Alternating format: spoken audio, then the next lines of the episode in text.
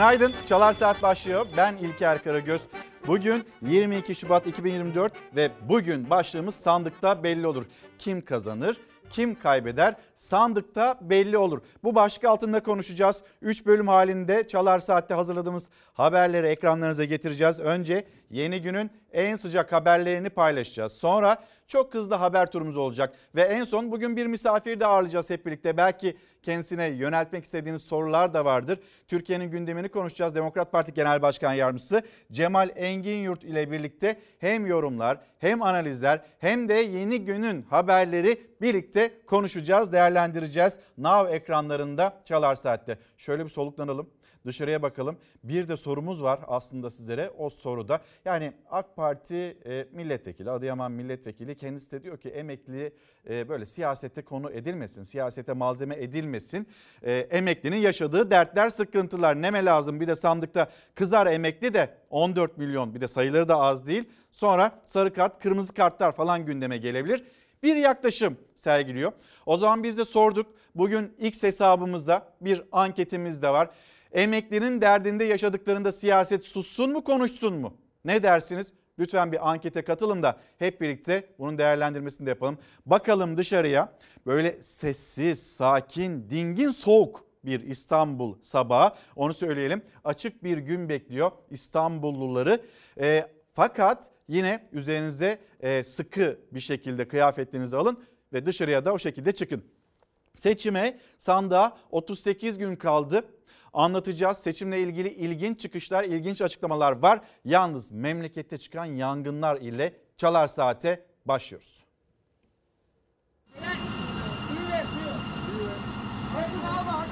Bacadan çıkan alevler evi yaktı. İtfaiye ekiplerinin alevlerle mücadelesi kameralara yansırken bir kişi dumandan etkilendi, hastaneye kaldırıldı. Çatının üst tarafına bak Murat.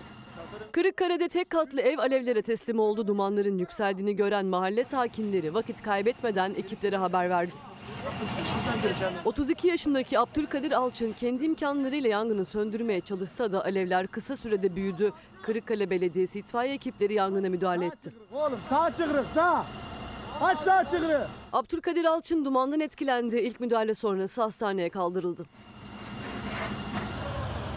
Her prefabrik olunca, lastik olunca sönüyor tekrar yanıyor. Isparta'nın gelen Dost ilçesinde elektrik kontağı yangına sebep oldu. Alevlerin önü alınamadı. 3 ev yandı. Şurayı tam orada abi anlamamamız Gelen Dost ilçesine bağlı Yenice köyünde elektrik kontağından çıkan yangın evi yaktı. Alevler yandaki evleri de sıçradı. Ev sahiplerinden Mehmet Yılmaz yaralandı. Hastaneye kaldırıldı. İstanbul Beylikdüzü'nde market deposu alev alev yandı. İhbar üzerine polis, sağlık ve itfaiye ekipleri bölgeye geldi. Polisler deponun bulunduğu yolu trafiğe kapadı.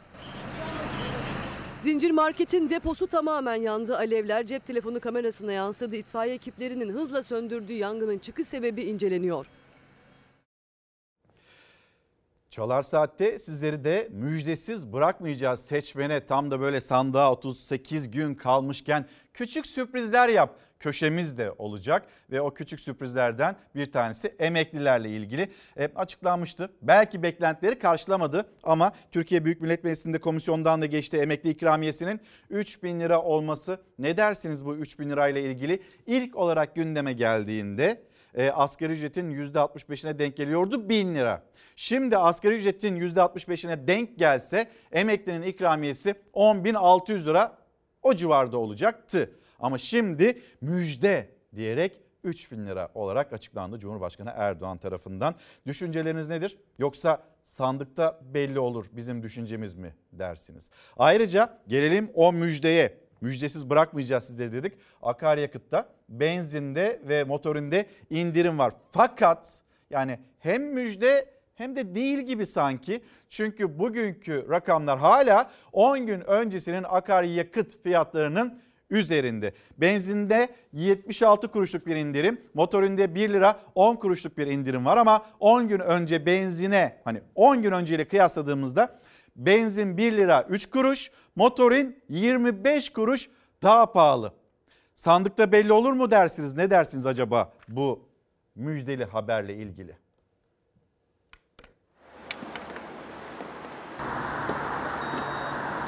Akaryakıttan yine indirim haberi geldi. Benzinde 76 kuruş, motorinde 1 lira 10 kuruş indirime gidildi. 2 gün üst üste gelen indirime rağmen çok değil 10 gün önceye göre hala daha pahalı akaryakıt. 12 Şubat'ta benzin 39 lira 43 kuruştu. Bugün indirime rağmen 40 lira 46 kuruş. Motorin 41 lira 75 kuruştu. 2 gün gelen üst üste indirime rağmen bugün 42 lira. Petrol üreticisi ülkeler ham petrol fiyatlarında indirim yaptı. EPDK o indirimin tüketiciye yansıtılmasını istedi. Ham petrol fiyatları düştü ancak döviz kuru hareketlendi. Dolar rekor kırarak 31 lirayı aştı. O yüzden gelen indirim de sınırlı kaldı. Takvimler 21 Şubat'tan 22 Şubat'a döndüğü anda akaryakıt istasyonlarında fiyat tabelalarında değişim zamanıydı yine. Benzinin litre fiyatı 76 kuruş, motorinin litre fiyatı 1 lira 10 kuruş indi. Akaryakıta indirim gelmesine geldi ama o indirimler Şubat ayının ortasındaki fiyatlara yaklaşmaya dahi yetmedi akaryakıtta. İstanbul'da benzinin litresi 40 lira 46 kuruştan, motorinin litresi 42 kuruştan satılmaya başlandı. İndirimler araç sahiplerinin akaryakıta aldığı fiyatı 10 gün öncesine bile düşürmedi. Benzin 10 gün önce bugünkü fiyatından 1 lira 3 kuruş, motorin ise 25 kuruş daha ucuzdu. Akaryakıt indirimi hayırlı olsun. Yine de şimdi bugüne baktığımızda düne göre daha ucuz olduğu için elbette bir memnuniyet duyuyoruz. Ee, gelelim yeni günün gazeteleri hemen ilk 5 gazeteye bakalım. Bakın bugün gazetelerin manşetinde bir haber var. O haber de çok kıymetli ve çok önemli. Birazdan da izleyeceksiniz zaten. Ee, gazete Pencere Bakan Özhaseki fena yakalandı. Yani 9 gün sonra maden sahasına gitti. Rahatsızlığı sebebiyle geçirmesi gereken bir e, operasyon olduğu sebebiyle gidemediğini söylemişti. Ama muhalefet başka şey söylüyor. Görüntüler, arşiv başka bir şey anlatıyor. Göreceğiz. Hürriyet gazetesi manşette havacılıkta bir devrim. İlk milli uçağımız Kaan havalandı. Manşetteki haber bu. Sonra son dakika sürprizlerine bakacağız. Siyaset kısmı ve yine Kezzapçı Cani'ye 7 yıl hapis talebi. Bununla ilgili Adalet Bakanlığı'nın da cümleleri vardı.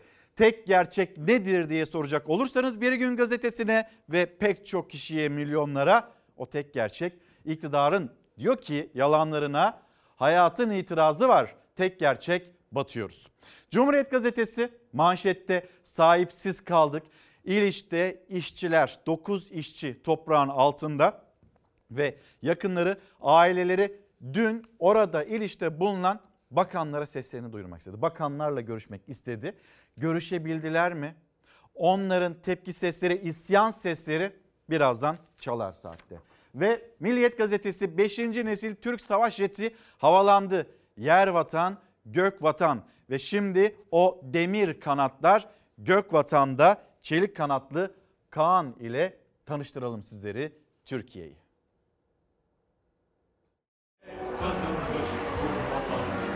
Kaan'ı görüyorsunuz değil mi? Daha neler gelecek neler. Milli Muharip uçağımız Kaan'ın ilk uçuşunu başarıyla gerçekleştirmesini tebrik ediyorum. 2016'da yapımına başlanan Türkiye'nin yerli muharip uçağı Kaan ilk uçuşunu başarıyla gerçekleştirdi. İktidar, muhalefet bu önemli adımı ortak mesajlarla kutladı. Köklerden göklere emeği geçen her bir vatan evladımızın eline sağlık. Türk Havacılık ve Uzay Sanayi tarafından üretildi. Türkiye'nin ilk muharip uçağı Kaan. Motor Amerika'dan yerli motor için çalışmalar sürüyor. Yer testleri ve taksi testlerini başarıyla tamamladı. İlk test uçuşu için Mürtet Hava Meydanı'nda piste çıktı.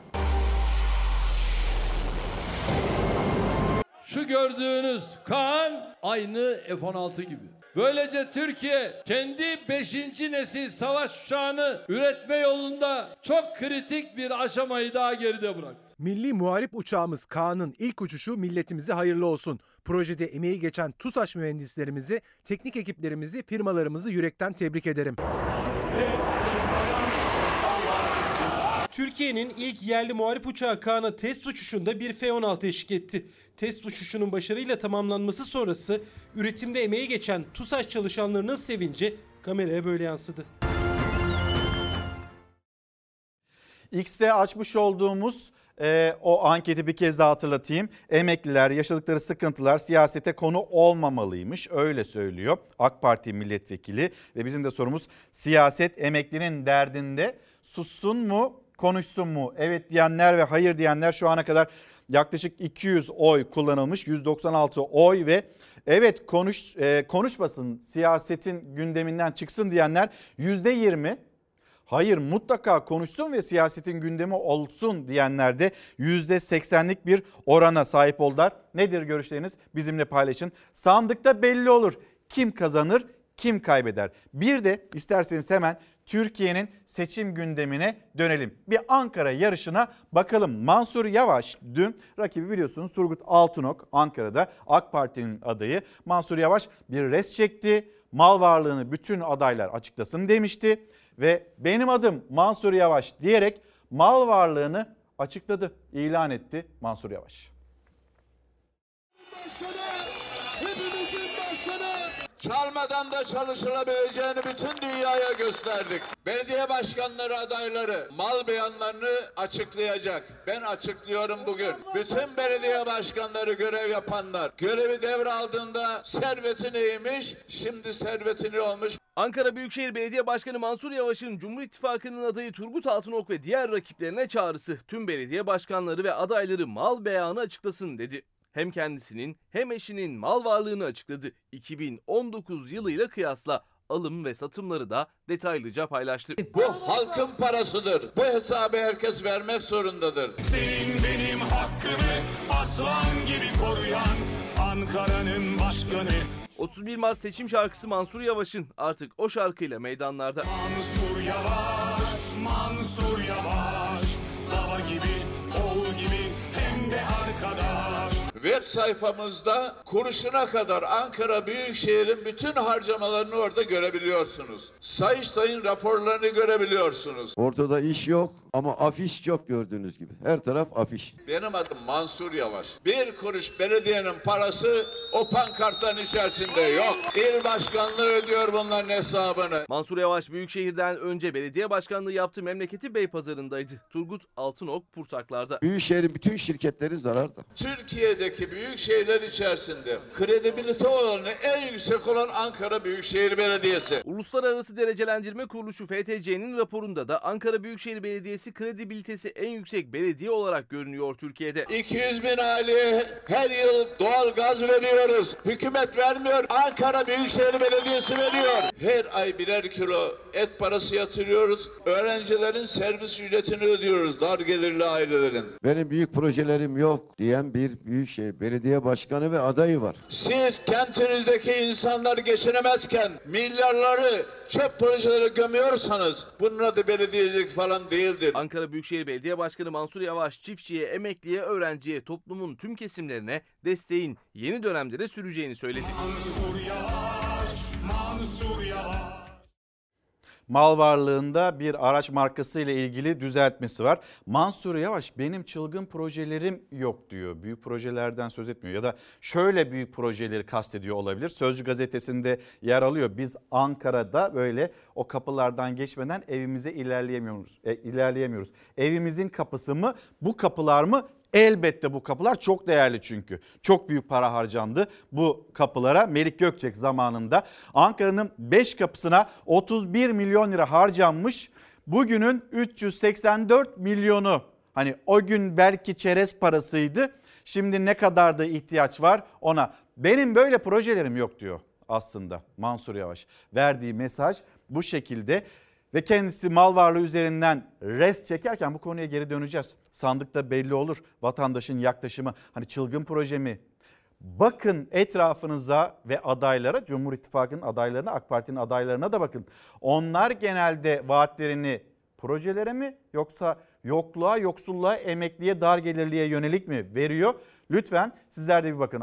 Ankara'da Mansur Yavaş rest çekerken mal varlığı üzerinden İstanbul'da Murat Kurum döner kesti. 11 ilimizde deprem olmuştu. Biz 650 bin konutu yapacağımızı, bir yıl içerisinde teslim etmeye başlayacağımızı ifade ettiğimizde de o zaman siz bunu 100 yılda yaparsınız. Ne oldu?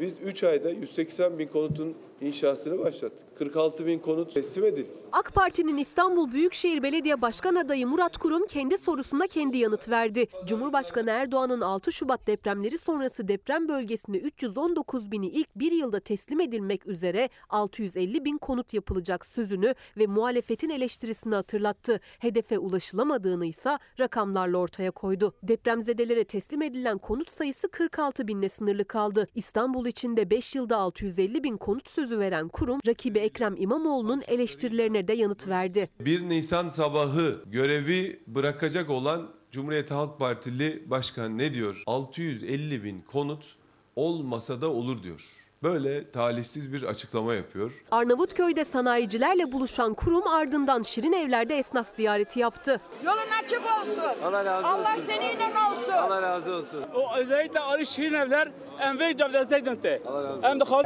Eksikler var mı? Çalışıyorum maaşımla geçinemiyorum ben İstanbul'da. 96'da maaşımla bir yılda bir ev aldım balona.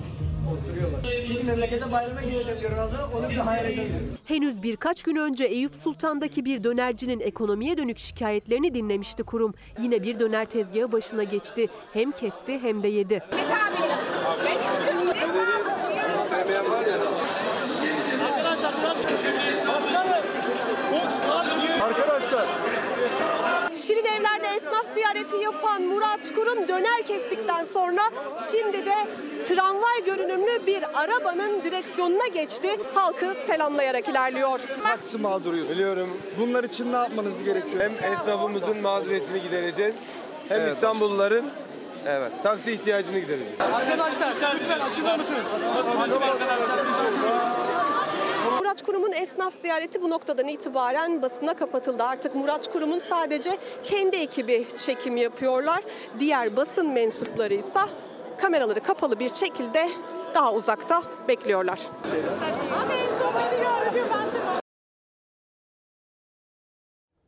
Şimdi gazeteleri de tamamlayacağız. Yalnız hani niye acaba kameralar uzak tutuluyor?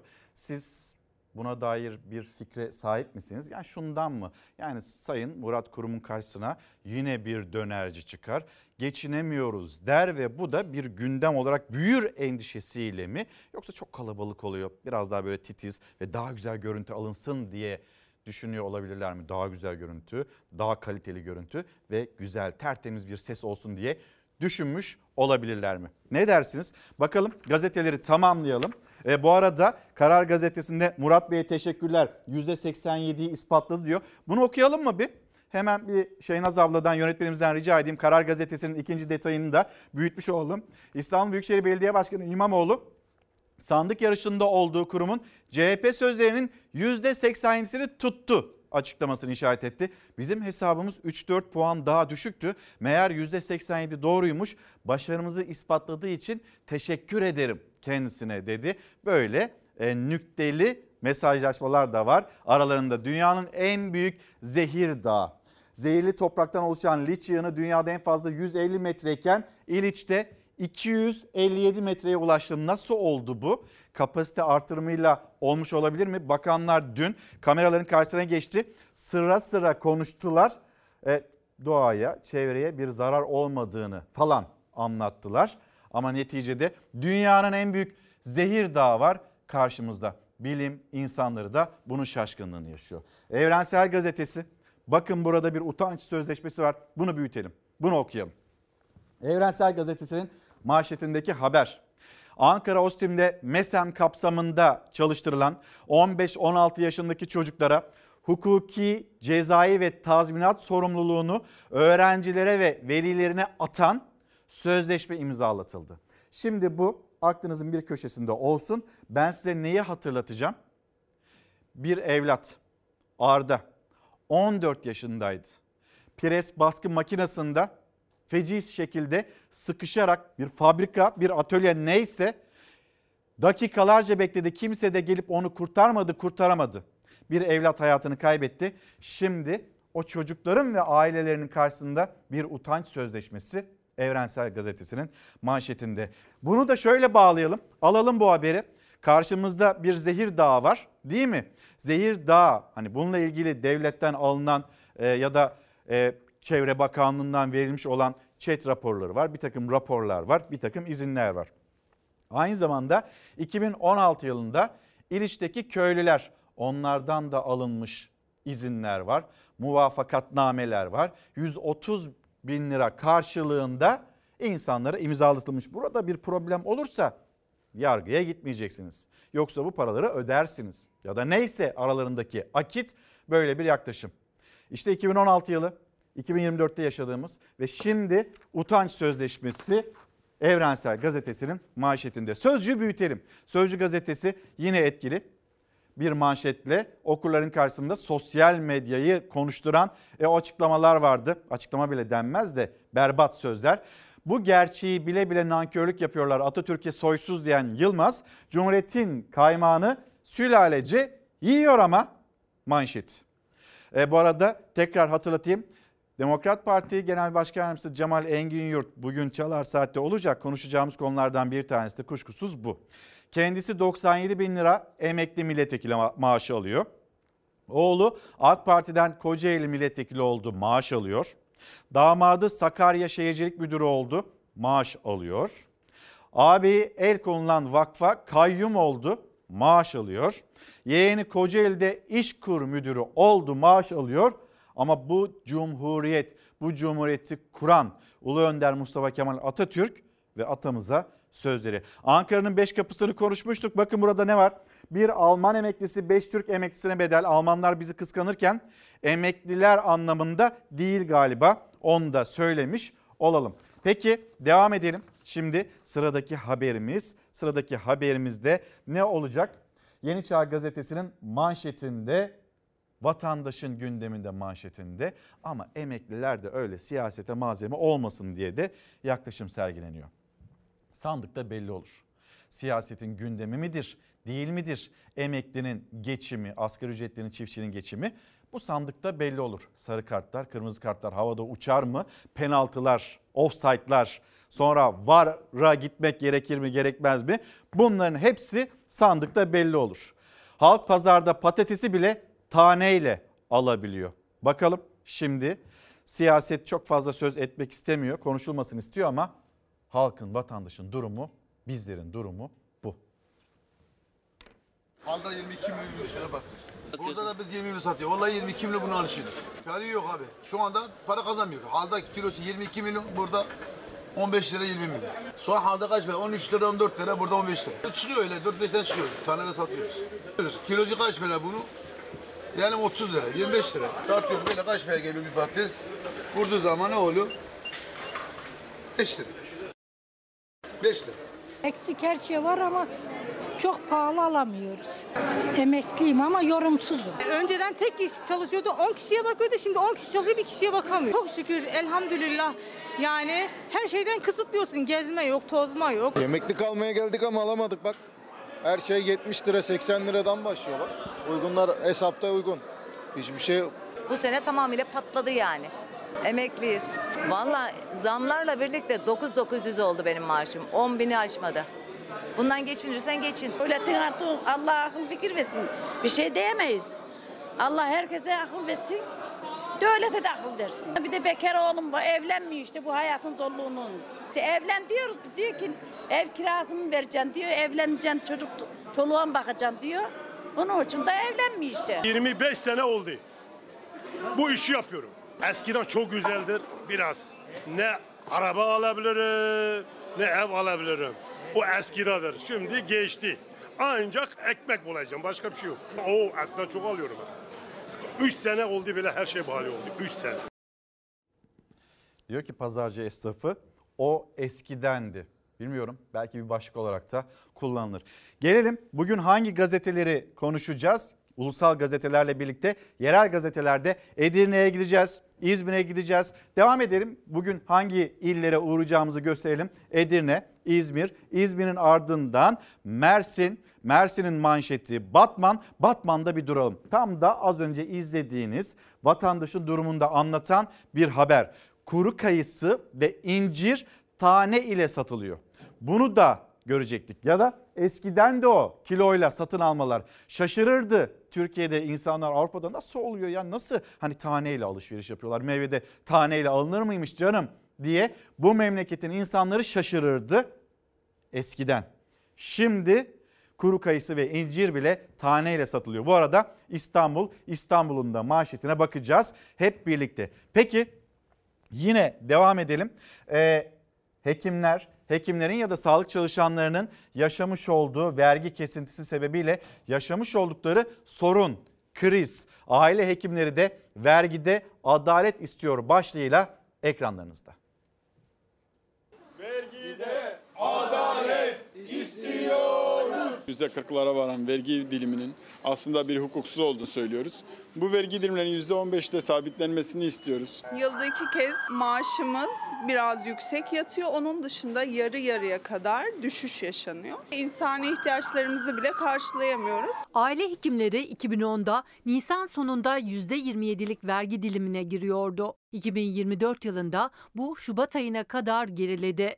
Yine 2010 yılında Eylül ayında %35'lik vergi dilimine girerken artık Mayıs ayında maaşlarından %35 kesinti yapılıyor. Yıllar içinde vergi yükü artan aile hekimleri ve aile sağlığı merkezi çalışanları süresiz eylem başlattı. Vergi oranları %15'e sabitlenene kadar her çarşamba eylemlerini sürdüreceklerini açıkladılar. Vergi dilimleri enflasyon oranında güncellenmediği için e, zaten mağdur durumdayız. Neredeyse yılın 12 ayın 5 ayını e, vergi için çalışıyoruz.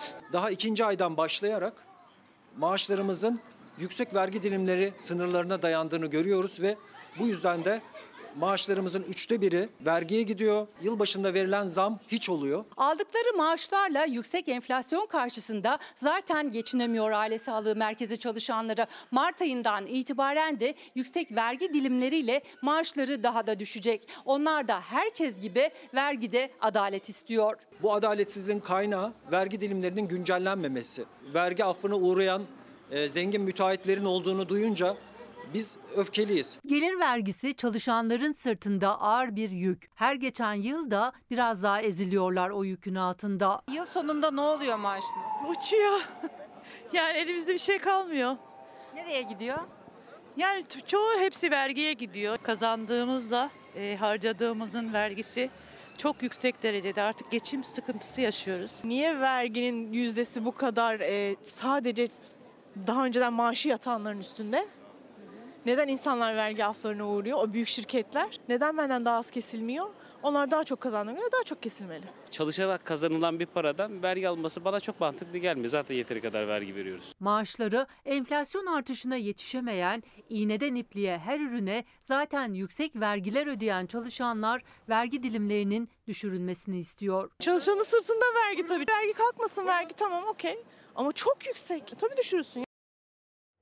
Bu kadar da vergi alınmaz bana hiç mantıklı gelmiyor diyor sokakta mikrofonu uzattığımız kişiler ama devlete yönetenlere ekonomi yönetimindekilere o kadar mantıklı geliyor ki mesela MTV ödüyorsunuz yetmedi bir daha mı verseniz acaba diye bakıyorlar. Gelir vergisinde belirli bir seviyeyi geçerseniz bir de onun üzerinden yeni bir vergi kesintisi olacak önümüzdeki günlerde bunu da göreceğiz onu da haberleştireceğiz hatırlatmış olalım. Bu arada sağlık çalışanları yani bu vergi yükü herkesin omzunda ama sağlık çalışanları ile ilgili yine yeni günün önemli gelişmelerinden bir tanesi. Sağlık Bakanı Fahrettin Koca açıkladı. Türkiye Büyük Millet Meclisi'nde sağlıkla ilgili kanunlarda yapılması öngörülen düzenlemeler genel kurulda kabul edildi. Katkı veren milletvekillerine teşekkür ediyoruz denildi. Böyle uzun uzadıya da e, Sağlık Bakanı tarafından sıralandı. Yalnız e, Profesör Doktor Taner Demirer o da İyi Parti'nin önemli kurmaylarından birisi.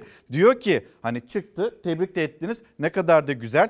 Fakat mesela burada Sağlık Bakanlığı bütçesinin %10'unu yutan ülkemizin kanayan yarısı şehir hastanelerinin, sağlıkta şiddetin, hekimlerin, eczacı ve eczanelerin, sağlık çalışanlarının zorlu ekonomik koşulları ve kötü çalışma ortamlarının, hekim göçlerinin, ilaç sıkıntısının, hastane kuyruklarının, çökmüş birinci basamak hizmetlerinin, e, aile sağlık merkezlerinin, kötü koşullarının böyle o da devam ediyor. Burada bir sıralama var. Bir de sağlıkta yaşanan pek çok sorun var. Onları görmüyoruz mesela bu düzenlemede diyor Taner Demirer. Hatırlatmış oğlum. Ve şimdi bir adalet arayışı, bir hak arayışı gazilerimiz. Gazilerimizin sesini dinleyeceksiniz. terörle mücadele e, de yer alan gaziler ile terörle mücadele şehit ailelerinin bugün yaşam koşulları e, çok ciddi anlamda zorlamaktadır ve yaşam koşulları çok ağırdır. Bugün 6. derece bir er gazisinin aldığı maaş 20 bin lira civarındadır. Ve bugün yoksulluk sınırının bir, hayli altındadır. Ve yaşamak için, barınmak için ve e, sağlık problemleri nedeniyle yaptığı harcamalar da düşüldüğünde bir er gazisinin bugün geçinebilmesi imkansızdır ve bu toplum için ve ülkeyi yönetenler için utanç vericidir. Bunu defaten dile getirmiş olunmasına rağmen hiçbir şekilde çözüm bulunmadı. Çünkü herhangi bir emsali yok bunun. E, muazzaflar için emsal maaşı e, engel durumuna bakılmaksızın bağlandığında aradaki uçurum 60-70 bin lira gibi bir rakamlardır. Ve bugün er gaziler anayasada belirtilmiş olmasına rağmen 10. ve 61. maddede belirtilmiş olmasına rağmen hiçbir şekilde bu düzenleme ve geliştirme yapılmadığı için maaşlar yoksulluk sınırının altında ve açlık sınırına yakındır. Bu da toplum için çok üzücüdür. Bizler için çok üzücüdür. Şimdi yeni günün sıcak haberleri ve duyulmasını istediğimiz sözleri, adalet arayışları mesela. Onların bir kısmını ekranlarınıza taşıdık. Şimdi molaya gidiyoruz. Dönüşte çok hızlı bir Türkiye özeti ve konuğumuz da gelmiş olacak. Cemal Engin Yurt hatırlatmasını yapayım. Dönüşte daha konuşacağımız pek çok konu var. Sandıkta belli olur bugün başlığımız. Efendim günaydın bir kez daha devam ediyoruz Çalar Saat'te. Sandıkta belli olur. Bugün başlığımız ve seçimi sandığa 38 gün kaldı. Çok hızlı Türkiye turu, haber turu memleket havasıyla başlıyor. Haftalardır aralıklarla devam eden yağışlar bereketiyle geldi. Kuraklık tehlikesiyle burun buruna gelen İstanbul'un barajlarını doldurdu. İklim değişikliği kurak geçen günler başta İstanbul olmak üzere memleketin barajlarını susuz bıraktı. Başladı mı durmaksızın devam eden yağışlar barajlara da bereket getirdi. İSKİ verileri açıkladı. Geçen sene bugün İstanbul'un barajları sadece %34,92 doluydu. Bu yıl doluluk oranı %76,25 oldu. Israncalar, Terkos, Ali Bey ve Büyükçekmece'de %70'in üzerine çıkan doluluk oranı Elmalı Barajı'nda neredeyse %90'a ulaştı. Sevindiren bir diğer haber Bilecik pazar yerinden geldi. Barajlar doldu hatta taşma noktasına ulaştı. %100 dolan barajlardan su tahliyesi yapılıyor.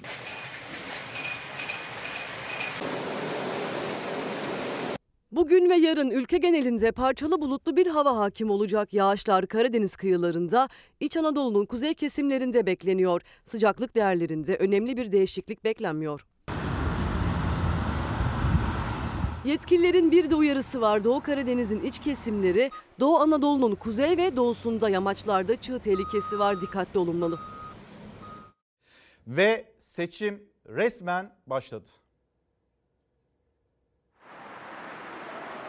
Yüksek Seçim Kurulu'na listeler verildi, adaylar sahaya indi. 26 milletvekili belediye başkan adayı oldu. İyi Parti'den 7, CHP'den 5, Saadet Partisi'nden 5, AK Parti'den 4, Dem, Deva ve TİP'ten 1 milletvekili belediye başkanı olmak için yarışacak. MHP ise milletvekilleri arasından aday çıkarmayan tek parti. Büyükşehir'de, ilçede hep beraberiz. İnşallah. Allah'a emanet. Değiştir gitsin. İnşallah kazanacağız. Bizim değerlendirmemiz İstanbul'da Ekrem Bey'in kazanabileceği yönünde. Ankara'da ise Mansur Yavaş'ın rahat alabileceğini tahmin ediyorum. Sohbet ortamında Yeniden Refah Partisi aday çıkarmamış olsaydı bu ortamda e, rakiplerin adayları ön plandaydı gibi bir değerlendirme. Son güne kadar tam saha devam edecek olan bir yarıştır. Yarışın kazananı sandıkta belli olur. Büyük şehirlerde en fazla aday sayısı başkent ve megakentte. Ankara'da 25, İstanbul'da 52 isim aday. CHP ve DEM Parti Gebze'de aday çıkarmadı. Türkiye İşçi Partisi Genel Başkanı Erkan Baş'ı destekleyecekler. Sağ olasın. Çok teşekkür ediyorum. İyisin değil mi? Milliyetçi Hareket Partisi'nin Tokat Belediye Başkan adayı Mehmet Kemal Yazıcıoğlu, efsane vali Recep Yazıcıoğlu'nun oğlu. İnşallah Sayın Valimin yolundan gidelim inşallah. İnşallah. Allah razı olsun. Teşekkür ediyorum. Babanı görmüş gibi olduk ve babanın hatırına hep sendeyiz. Allah razı olsun. 17 itibariyle de bu süre doldu. Saat 2'den beri Cumhuriyet Halk Partisi ilçe başkanlığındayım. İlçe başkanı bizim dosyalarımızı seçim kuruluna vermek için gelmedi. Balıkesir'in İvrindi ilçesinde CHP ilçe başkanı adaylık dosyasını seçim kuruluna teslim etmedi. CHP o ilçede aday gösteremedi. Artvin'in Hopa ilçesinde CHP parti meclisi listesi kavga çıkardı.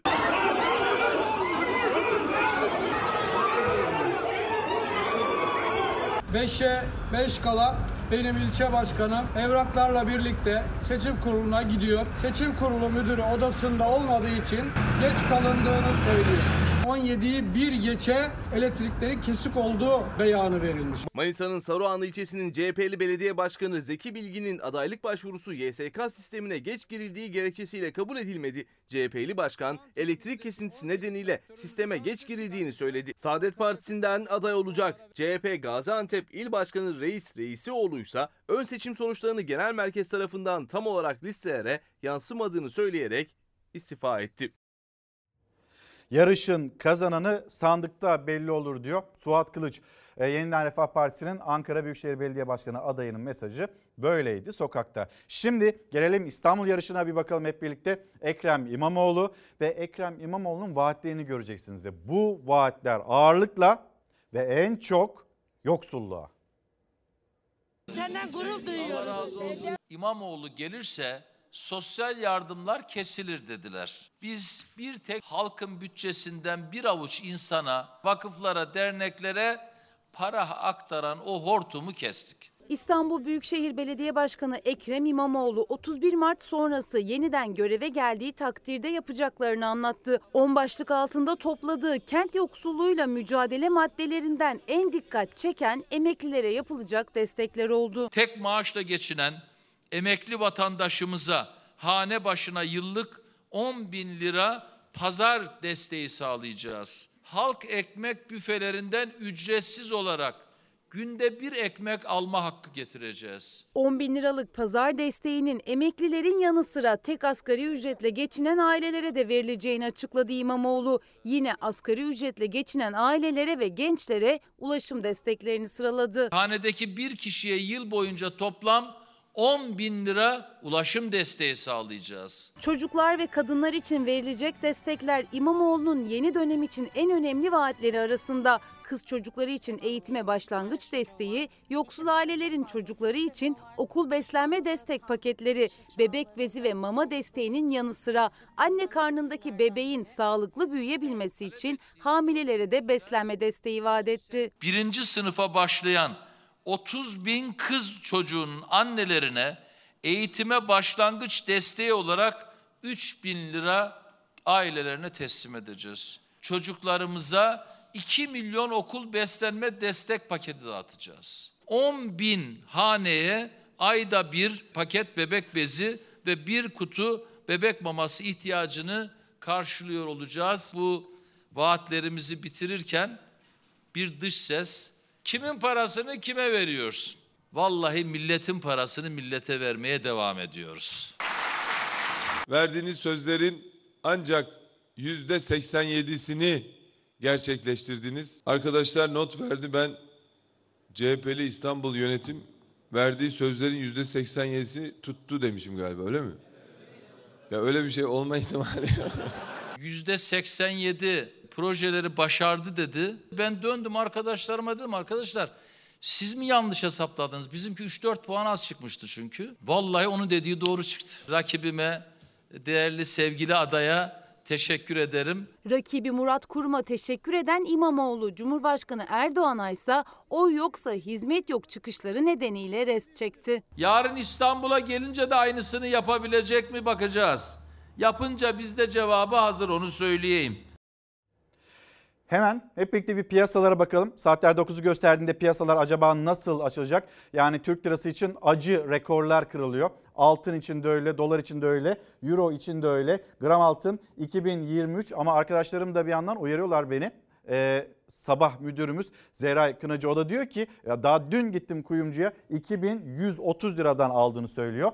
Euro şöyle bir çekeyim 33 lira 69 kuruş dolar 31 lira 2 kuruş. Bu arada bugün gözler Merkez Bankası'nda olacak ve Merkez Bankası faizleri sabit tutacak mı? Yeni bir arttırım gelecek mi? Göreceğiz ama genel eğilim faizleri sabit tutacağı yönünde. O zaman şöyle devam edelim. Ekonominin zirvesi İstanbul'da toplandı. Yarınlarda barış içinde, karşılıklı saygı içinde yaşayabilmemiz için sürdürülebilir, eşitlikçi bir geleceği inşa etmek zorundayız. 27. Avrasya Ekonomi Zirvesi İstanbul'da başladı. 20 ülkenin eski başkanlarının da aralarında bulunduğu 40'tan fazla ülkeden 300'den fazla siyasetçi, diplomat, akademisyen ve iş insanı zirvede bir araya geldi.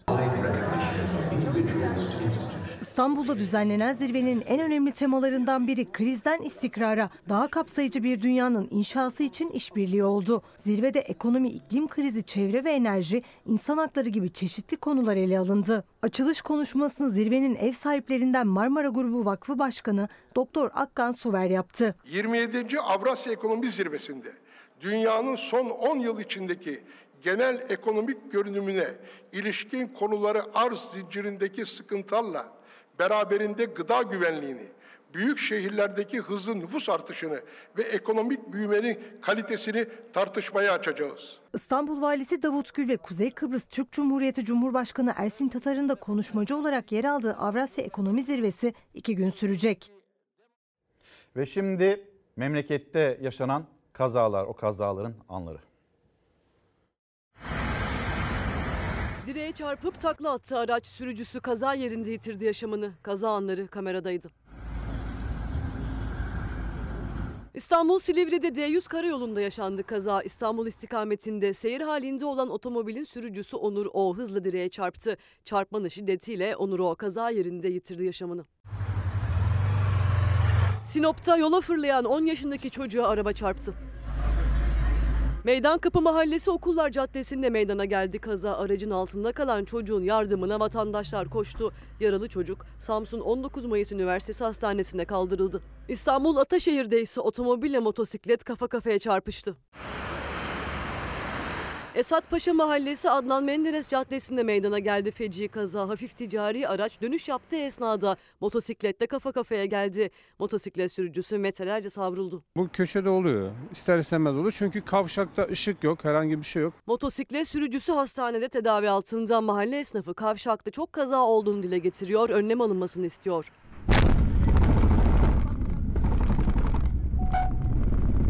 Sol e, tekerime beyaz bir spor araç vurdu ve kaçtı gitti. Aracında iki yolcusu seyir halindeydi. Taksi şoförü Ömer Batıbay bir anda araç aldığı darbeyle sarsıldı. 15 Temmuz Şehitler Köprüsü'nde makas atarak ilerleyen otomobil Batı Bey'in aracını arkadan vurdu. O anlar taksi kamerasındaydı. Taksi yoldan çıkabilirdi. Başka araçların da karıştığı zincirleme kaza meydana gelebilirdi. Kimseye bir şey olmaması teselli olurken taksici Ömer Batıbay ona çarpan sürücüye seslendi. Bana vuran kişi beni görüp de bana ulaşırsa e, suç duyurusunda bulunmayacağım. Maddi hasarımı karşılasın. Muammer Baş, günaydın. Askerlik borçlanması mağduru polis, asker ve memurlar olarak yapmış olduğumuz askerlik borçlanması işçi, esnaf, çiftçi de olduğu gibi bizleri de EYT'li yapmalı ve sandıkta belli olur diyor. Ee, Kendisi gönderdiği mesajda. Şimdi efendim lütfen çok dikkatle dinleyin. Kendi eviniz, kendi e, içinde bulunduğunuz bina acaba ne kadar sağlam? Bunun da lütfen ölçümlerini yaptırınız. 6 Şubat'ta yaşadığımız felaketten sonra şimdi şimdi artık kimse bunu merak etmez halde. Fakat Profesör Doktor Naci Görür bakın ne diyor. Zaman daralıyor. İstanbul'da 7'den büyük deprem kesin. Bu faylar en son deprem 1766'da üretmiş.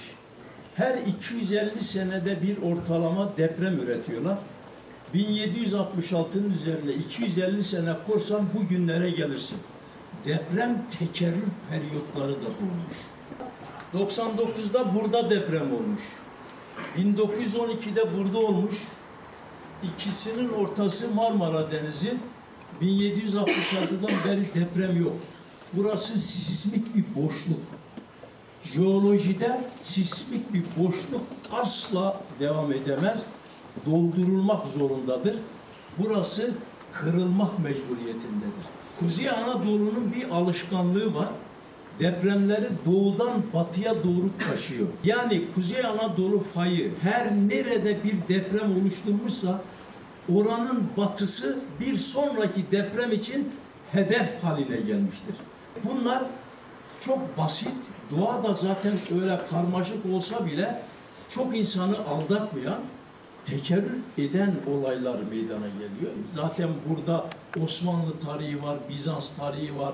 Bütün e, o tarihi depremleri biliyoruz.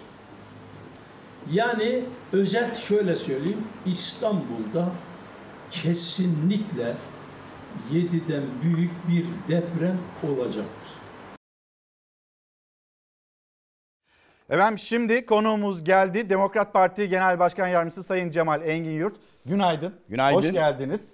Ee, şimdi birlikte bir gündeme bakalım. Molaya gideceğiz ama döndüğümüzde Cemal Engin Yurt ile acaba hangi konuları konuşacağız? Ee, Çevre Bakanı 9 gün sonra İliç'te burada yaşanan bir tartışma var konuşacağız ve o zehir dağını. Sonra e, Cumhurbaşkanı Erdoğan oy yoksa hizmet de yok dedi. Biz varsak doğalgaz var ifadesini Cemal Engin memleketi Ordu'da kurdu. Acaba Cemal Engin buna ne söyleyecek? Devam edelim. AK Parti siyaseti e, peşkeş çekmekle başlar. Karabük Belediye Başkanı Rafet Vergili'nin sözleri Cemal Engin Yurt. Rafet Başkan'ın bu sözlerine ne söyleyecek? Bakalım. Yeni bir çözüm sürecinin hazırlığı mı yaşanıyor? CHP lideri Özgür Özel'in sözleri 1 Nisan itibariyle AK Parti ve DEM Parti arasında neler yaşanıyor? Siyasette bir tartışma konusu ve emekliler siyasete malzeme olmamalı. 2024 yılı emekliler yılı ilan edildi ama Sayın Milletvekili AK Parti Adıyaman Milletvekili Resul Kurt o da diyor ki emekliler siyasete malzeme olmamalı. Bir dinleyelim kendisini. Bakalım. Bir tane de simit aldım kendime. Burada biraz ucuz da. Canım istedi hani. Yoksa et görmüyor, süt görmüyor. Hiç yumurta bile alamıyor evladım. Emekliler siyasete malzeme olmamalıdır. Emekliler siyasete malzeme olmalı mıdır, olmamalı mıdır? X hesabımızda bir anket açtık. Siyaset siyasetçi emeklinin yaşadığı dertte susmalı mı, susmamalı mı? Sayın Cemal Engin ne dersiniz? Susmalı mı, susmamalı mı? Susmayacağız. Peki şimdi bir molaya gidelim. Döndüğümüzde konuşacağız Sayın Cemal Engin Yurt'la. Efendim günaydın. Çalar Saat'te devam ediyoruz. Kesintisi, soluksuz yorum analiz bölümü ve konumuz Demokrat Parti Genel Başkan Yardımcısı Cemal Engin Yurt. Bir kez daha günaydın efendim. Günaydın. Hoş geldiniz. 2024 senesi Cumhurbaşkanı Erdoğan tarafından emekliler senesi olarak ilan edildi ve bu senede emekliler durumları işte kendilerine e, verilecek olan o 3 bin liralık bayram ikramiyesi ve Yine siyasette duyduğumuz bir söz emekliler siyasete malzeme olmamalı çıkışı AK Parti milletvekilinin. Ne düşünürsünüz Sayın Cemal Engin Yurt ne düşünür? Önce bir haberimizi izleyelim sonra da konuşalım. Ekmek aldım. Bir tane de simit aldım kendime. Burada biraz ucuz da. Canım istedi hani. Yoksa et görmüyor, süt görmüyor. Hiç yumurta bile alamıyor evladım. Canı çektiği için aldığı bir simit bile lüks geliyor artık emekliye. Muhalefet bir kez daha emeklilerin geçim mücadelesinin iyileştirilmesi için önerge verdi ama yine Cumhur İttifakı oylarıyla reddedildi. AK Parti Adıyaman Milletvekili Resul Kurt emekli siyasete malzeme olmamalı cümlesini kurdu. İktidarın emekli ikramiyesini 2000 liradan 3000 liraya çıkaran teklifse Meclis Adalet Komisyonu'nda kabul edildi. Emekliler siyasete malzeme olmamalıdır. Sandıkta en büyük tokadı emeklilerimizden yiyeceksiniz. Simit ne? Simit 10 lira almış. Ben alamam ki. Ekmek alıyor. Kirada oturuyoruz. Kirayı zor veriyorum valla. CHP Adana Milletvekili Müzeyyen Şevkin de elinde çay bardağı ve simitle çıktı genel kurul kürsüsüne. En düşük emekli maaşı olan 10 bin liranın alım gücünü çay simit hesabıyla anlattı. Bugün hesabını yaptım. Bir simit ve çay 9 bin lira tutuyor arkadaşlar. Başka hiçbir şey yapmayacak. Evine ne fatura ödeyecek, ne kira ödeyecek, ne telefon ödeyecek. Bu zalim yönetim bu aziz millete bir bardak çayla bir simidi bile layık görmüyor. Diyerek eleştirmişti 1993 yılındaki konuşmasında dönemin iktidarını şimdiki Cumhurbaşkanı Erdoğan ve onun yaptığı çay simit hesabı hep konuşulur. O çay simit hesabıyla şu anda en düşük emekli aylığı alan bir kişi eğer sadece çay ve simit tüketirse yine geçimle ilgili sorununa da aslında bir aylık gelir gider dengesine yine kendi sözleriyle cevap veriyor. Evin kirasını kim ödeyecek? Su parasını kim ödeyecek? Çoluk çocuğun okul masrafını kim karşılayacak? Gerçekten simit ve çayla gelenler halkı unutmuş durumda. Ayran alamadım. Suyla, suyu aldım da çıktım. Yetmedi param. Bir simit. Ya bir de bu. Öğlen yemeğim bu. Öğlen akşam. Bu ekmekle öbürünün arasında 2 lira fark var. Ayda ben 60 ekmek yiyorum 120 lira karım oluyor bu ekmekten. Allah razı olsun Mansur Başkan'dan. Sabah öğlen yemeğimizi veriyor. Suyumuz %50 indirimli. Arada patates soğan veriyor. Emekliler uygun fiyat için market market gezerken belediyeden aldığı destekle ayakta kalmaya çalışıyor. Emekli ikramiyesinin 2000 liradan 3000 liraya çıkarılmasını öngören madde ise Meclis Adalet Komisyonu'nda kabul edildi. Genel kurula gelmesi bekleniyor. 3000 lirayı da öyle bir sunuyorlar ki sanırsınız lütfediyorlar. Sanırsınız sadaka veriyorlar.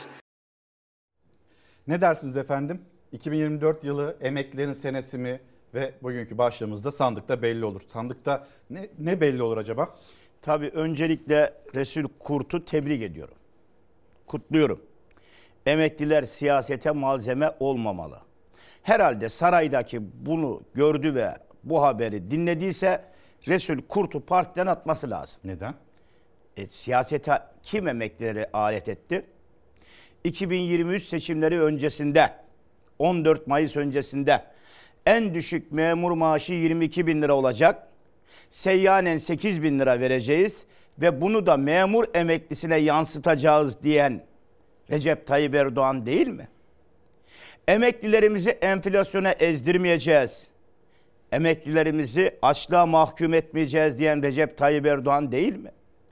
Ekim ayında 5 bin lira bayram ikramiyesi verip onu da çalışana vermeyip daha sonra çalışana vermediğini fark edip siyaseten zarar gördüğünü düşünerek çalışan emekliye de 5 bin lirayı yeniden getiren Recep Tayyip Erdoğan değil mi? 2 bin lira ikramiyeyi bayram ikramiyesini meclise getirip 3 bin liraya muhteşem bir rakam 3 bin liraya 1000 lira artış yapan Recep Tayyip Erdoğan değil mi? Ve 2024 yılını emekliler yılı ilan eden Recep Tayyip Erdoğan değil mi? Ve bu siyasete malzeme değil mi? Şimdi hem Cumhurbaşkanı Yani Erdoğan Cumhurbaşkanı Erdoğan'ın e, seçimle ilgili bir propaganda kesinlikle yani bütün başlığını mı elinden almak istiyor 16 Sayın Vekil? milyonluk emekli kesimini Recep Tayyip Erdoğan hep kullandı. Ne demişti hatırlayalım seçimlerden önce? Siyasi hayatıma mal olsa da emeklilikte yaşa takılanlar bu yasanın çıkmasını beklemesin, oy vermesinler demişti. Ama seçime giderken bir baktı ki büyük bir kitle isyanda kör topal bir yasa çıkarttı. Kör topal diyorum çünkü 3600 ve 5000 prim günü üzerinden emeklilik hakkını kazananlar maalesef İlker'cim 5000 gün üzerinden emekli olamadılar. 5950 günde emekli olacaklar ama bu arada ne oldu biliyor musun? Emekli olacağını düşünerek bankalardan kredi çektiler, dolar aldılar, altın aldılar, borç borçlanma yapıp prim günlerini ödediler. Şu an kara kara düşünüyorlar. Ne bir gelirleri var, ne emekli olabildiler, ne de borçları ödeme imkanları kalmadı. Birçoğu artık bunalıma girdi. Yine Recep Tayyip Erdoğan seçimden önce örneğin Bağkur esnafı emeklilik için Bağkur esnafına 7200 prim gününü söz veren Recep Tayyip Erdoğan değil miydi? Bağkur tescil problemini çözeceğim diyen Recep Tayyip Erdoğan değil miydi? Bir esnaf düşün. Çözülmedi ama. Yanındaki çalışanın primini ödüyor. O 5000 günde emekli oluyor ama esnaf 9000 günde emekli oluyor. Bu adaletsizlik devam ediyor. Bunu kullanan Recep Tayyip Erdoğan'dı. 3600 emekliye vereceğim diyen Recep Tayyip Erdoğan değil miydi? Şu an devlette birinci kademeye düşmüş olan polisler de dahil yüz binlerce insan 3600'den lise mezunu oldukları için faydalanamıyorlar. Bunu söyleyen Recep Tayyip Erdoğan değil miydi? Engelli maaşını artıracağım diyen Recep Tayyip Erdoğan değil miydi? 3 bin lira engelli maaşıyla nasıl yaşayacak insanlar? Dul ve yetim maaşını kullanan biz veriyoruz diyen Recep Tayyip Erdoğan değil miydi? 6 bin lira dul ve yetim maaşıyla nasıl geçinecekler? Seyyanen memur emeklisine 8 bin lirayı vermediğini görüp de Milliyetçi Hareket Partisi Genel Başkanı verilmeli diye teklif etmedi mi? Siyasete mi malzeme etmiş oldu emekliyi? Şu anda da 12 bin lira seyyanen memura verilirken Bana emekli memura vermeyenler emekli me- sözler ona da geliyorum. Vekil. Emekli memura vermeyen bu 12 bin lira seyyanen siyasete malzeme etmiş olmadılar mı? Şimdi bu arkadaşımız emekliler siyasete malzeme olmamalı diyor. Niye? Niye? Çünkü Adıyaman'da sokağa çıktığında çıkamazdır zaten de çıktığında emekli isyan ediyor. Murat Kurum sokağa çıktığında, Turgut Altınok sokağa çıktığında emekliler isyan ediyor. Şimdi siyasete malzeme edilmemeli. Sayın Kim etti? Kurum'un, Sayın Kurum'un bu Şunu arada söyleyeyim sokak kimi de- ziyaretlerinde, esnaf problemler yaşıyor. ziyaretlerinde artık hani böyle kameralarda çok yaklaşamayacak galiba öyle bir görüntü de var. Bir Onu de emekli yapayım. siyaside kim alet ediyor? 2500 lira vereceğim diyen Murat Kurum değil mi emekliye belediye başkanı olursam? 5000 lira vereceğim diyen Turgut Altınok değil mi emekliye? Şimdi emeklinin durumu bu kadar kötü olmasa Büyükşehir Belediye Başkanlığı'na aday olan Murat Kurum ve Turgut Altınok emekliye niye para vermeyi taahhüt ediyorlar? Yani bu Resul Kurt, ha- Kurt hangi yüzde bunu söyledi? Kim siyasete malzeme ediyor? Yani ne yapalım? Emekliyi konuşmayalım da uzaya gönderdiğiniz turisti 55 milyon dolara gönderdiğiniz yaşa var ol Recep Paşa mı diyelim? Neyi konuşalım? Yani emekliyi konuşmayıp da bu memlekette yüzde 60'a çıkan faizi mi konuşalım? Neyi konuşalım bu memlekette? Sarayın itibardan tasarruf olmaz değişini ve bunun için 13 tane uçağını mı konuşalım? Konuşsak ne olacak? Duyuyor mu saray? Duymuyor. Duymadığı zaman bu insanlar feryat ediyor. Sadece emekli feryat etmiyor ki. Bir günden 17 yıl kaybeden milyonlarca insan var. Pazar gün Ankara Anıttepe'de mitinglerindeydim. Peki bir seçim yaklaşıyor. Kademeli emeklilik gelir mi? Kademeli Yanlarındaydınız siz. emeklilik gelmez, getirmez. Çünkü şu an o gücü görmedi hala. O tepkiyi görmedi hala. İşte biz bu insanların hakkı için siyaset mi yapmış oluyoruz? Niye gelmediler mitinge o zaman? Niye insanlara söz vermiyorlar? Staj ve çıraklık mağdurları pazar günü İstanbul Kartal'da miting yaptılar. Bu insanların hakkının verileceği sözü verildi. Niye vermediniz? Bırakın onu. Bir tane AKP vekili diyor ki staj ve çıraklık mağdurları dert yandığında siz diyor Kemal Kılıçdaroğlu'ndan isteyin diyor. Niye 96 yılında genel müdürlük yapmış SGK Genel Müdürü Kemal Kılıçdaroğlu diyor. O zaman staj ve çıraklık mağdurlarının bu sorununu niye çözmedi? Ya adam siyaset de bilmiyor, adam tarih de bilmiyor, adamda bilgi de yok. Kanun ne zaman çıktı? 8 Eylül 1999'da 4447 sayılı yasa geriye işletilerek bu milletin hakkı gasp edildi. Adam bunu da Kemal Kılıçdaroğlu'na mal etti biliyor musun? Yani her şeyin sorumluluğunu Kemal Kılıçdaroğlu'na. Kaan uçağı yapıldı. Evet. Milli Savunma Bakanlığı tebrik ediyoruz, kutluyoruz. Ya çıkıyor ülkenin Cumhurbaşkanı yaptınız mı siz bunu diyor. Yaptık. 1973 yılında yapıldı. O gün TÜSAŞ'ta bu uçak fabrikası kuruldu ve F-16'nın ayarında uçaklar yapıldı bu ülkede. Bugün yapılan uçaklar üzerinden muhalefete hakaret etmek bir cumhurbaşkanına yakışıyor mu ya? 22 yıldır iktidardasın. Yapmış olduğun uçağın bedelini hele Cumhuriyet Halk Partisi'ne nasıl ödetiyorsun İlker? Ben bunu anlamadım ya. CHP 45 yıldır iktidar olmadı. Bu Recep Tayyip Erdoğan yatıyor, kalkıyor Cumhuriyet Halk Partisi'ne. Niye yapmadın, niye etmedin? Ya adamlar 45 yıldır iktidar yüzü görmedi ya. Bu kadar üstüne gidilmez ki. Bu kadar her şeyin üzerinde. Nasıl olsa taban satın alıyor. Öyle bir taban var ki ne söylesen kabul ediyor. 10 bin lira dün izledim. 10 bin lira emekli maaşıyla amca çıkmış. Hamdolsun Allah'a diyor. Allah Recep Tayyip Erdoğan'dan razı olsun geçiniyorum diyor. Yahu kardeş nasıl geçiniyorsun? Recep Tayyip Erdoğan bundan 20 yıl önce çıkıp 25 yıl önce demedi mi? Zalim yönetim milleti bir simite bir çaya mahkum etti. Derhal istifa etmeli dedi. Sen amca nasıl 10 bin lirayla geçiniyorsun bize söyle. Ordu'da ev kirası 10 bin liranın altında ücra mahallelerde bile yok. Etin kilosu 500 lira olmuş. Peynirin kilosu 335 lira olmuş. 5 kiloluk zeytinyağı 2000 lira olmuş. Elektrik, doğalgaz faturası 3000 lira geliyor. Amca nasıl geçiniyorsun bu 10 bin lirayla? Recep Tayyip Erdoğan'a oy ver bunu anladım da. Niye millete hakaret ediyorsun? Sen ekmek yemekle geçiniyor, soğan ekmekle reisin yedirmiyorsun diye bu milletin, bu emeklinin sinemaya gitme hakkı yok mu İlker? Bu emeklinin tiyatroya gitme hakkı yok mu? Bu emeklinin ailesini alıp bir hafta sonu kahvaltıya gitme hakkı yok mu? Bu emeklinin tatile gitme hakkı yok mu? Bu insanların tatile gitme hakkı yok mu? Ama maalesef ülkeyi öyle bir hale getirdiler ki şükredin diyorlar. Soytarı gılıklılar çıkıyor televizyonlarda fetva adına Twitter'da, sosyal medyada yayınlıyorlar. Allah fakirleri sever. Allah fakirleri cennetiyle müjdeliyor. Zenginler şunu bilsin ki fakirlerden 500 sonra cennete gidecekler. Fakirliğin kıymetini bilelim. Biz niye biliyoruz fakirliğin kıymetini ya? Niye zenginler Allah'ın kıymetini bilmiyor? Yani baktığında öyle bir şekilde dini kullanmaya başladılar ki şu anda din adına her şeyi konuşuyorlar. Bak e, Şimdi bir Sözcü gazetesine bakalım mı? Yönetmenimizden Savaş Yıldız'dan bir rica edeyim. Bugün Sözcü gazetesinin de e, sürü manşetinde e, dikkatle çekti. Bu da çok konuşuluyor. Bunu evladı işsiz gezen vatandaşa bir anlatın. Yani Diyanet'e göre torpille işe girenin aldığı maaş helalmiş. Sonunda bunu da duyduk. Diyanet e, Din İşleri Yüksek Kurulu üyesi İdris Bozkurt aynen şöyle dedi. Bir kişinin hak etmediği bir işe girmesi kul hakkıdır.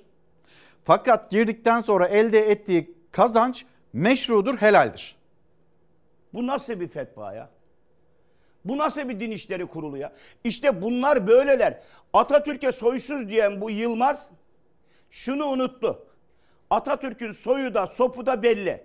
Ama Şevki Yılmaz soyunu araştırsın problem çıkma ihtimali çok yüksek. O ne dediğimi anladı. Kendisi iyi biliyor.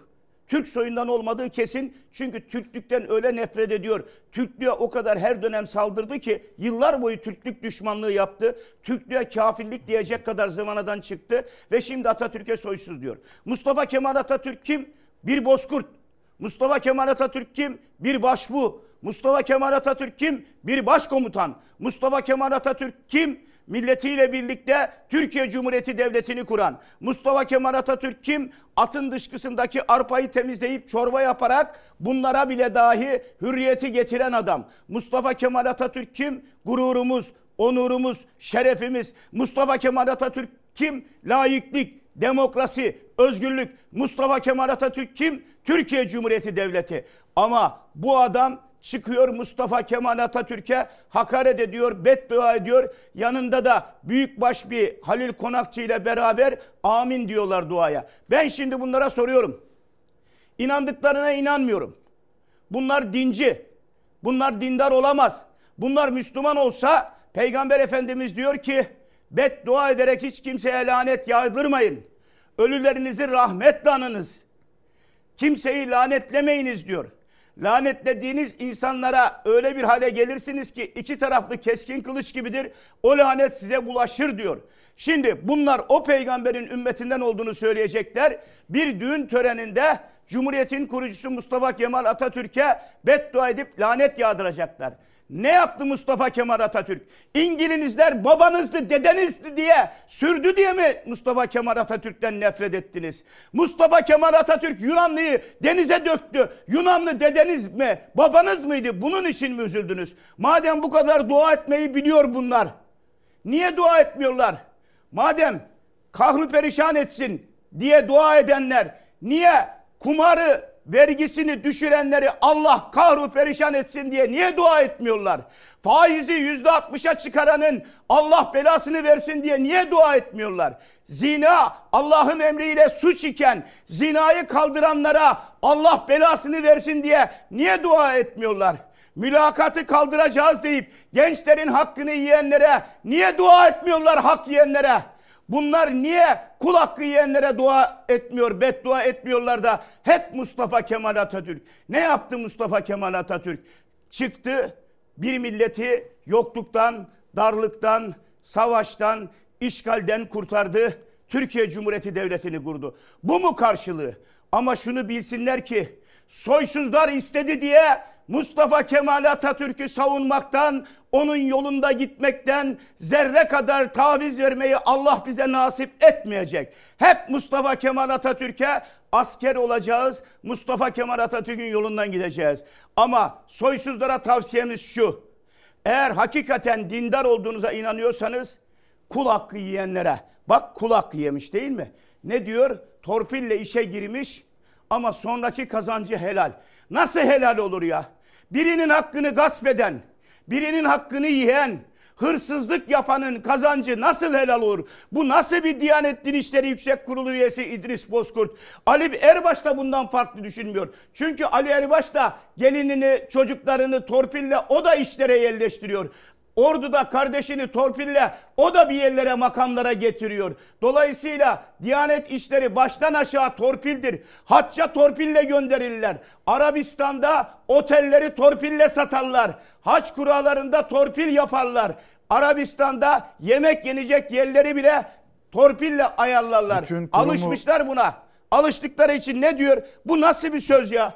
Bu nasıl bir söz ya? Gencecik çocukların hakkını yemiş, işe girmiş birisine. Şu adama bak ya. Şu adama bak. Oğlu vekil. Damadı Sakarya Şehircilik Müdürü. Ağabeyi vakfa kayyum olmuş. Yeğeni Kocaeli'de işkur, işkur müdürü olmuş. Yani Cumhuriyet'in bütün nimetlerinden faydalanan bu. Mustafa Kemal Atatürk'ün kurduğu Cumhuriyet'in bütün kadrolarından faydalanan bu. Türkiye Büyük Millet Meclisi'nden 97 bin lira emekli maaş alan bu. Türkiye Büyük Millet Meclisi'ni kuran adama hakaret ediyor. Yazıklar olsun, yazıklar olsun, yazıklar olsun. Ben biraz e, soluklanın diyeceğim. Bu arada tabii bir kurumu ya da yapılan açıklamalar ya da yaklaşımlar sebebiyle bir kurumun tamamını da zan, zan altında bırakmamak gerekiyor. Bir bunu söyleyeyim. Biraz soluklanmanızı isteyeceğim ama öyle bir gündemimiz var ki e, haberi izledikten sonra yine aynı e, ruh haline geri döneceksiniz maalesef. Memleketinizde oldu. Doğalgazla ilgili sözleri özellikle Cumhurbaşkanı'nın biz varsak doğalgaz var biz yoksak nasıl olsun ki dedi e, Cumhurbaşkanı. Aynı zamanda oy yoksa hizmet de yok tartışması polemiği siyasette devam ediyor. Sandığa 38 gün kala izleyelim konuşalım. Şu anda Cumhur İttifakı iktidar mı? Bir belediye düşünün ki kiminle hareket edecek? Cumhur İttifakı'yla. Bana oy verirseniz doğalgaz gelir. Bana oy verirseniz hizmet gelir. Şimdi bu ülke insanları nasıl güven duyacaklar Cumhurbaşkanlarına? Hatay, Zonguldak, Ordu'dan sonra bu kez de Afyonkarahisar'da kurdu benzer cümleyi Erdoğan.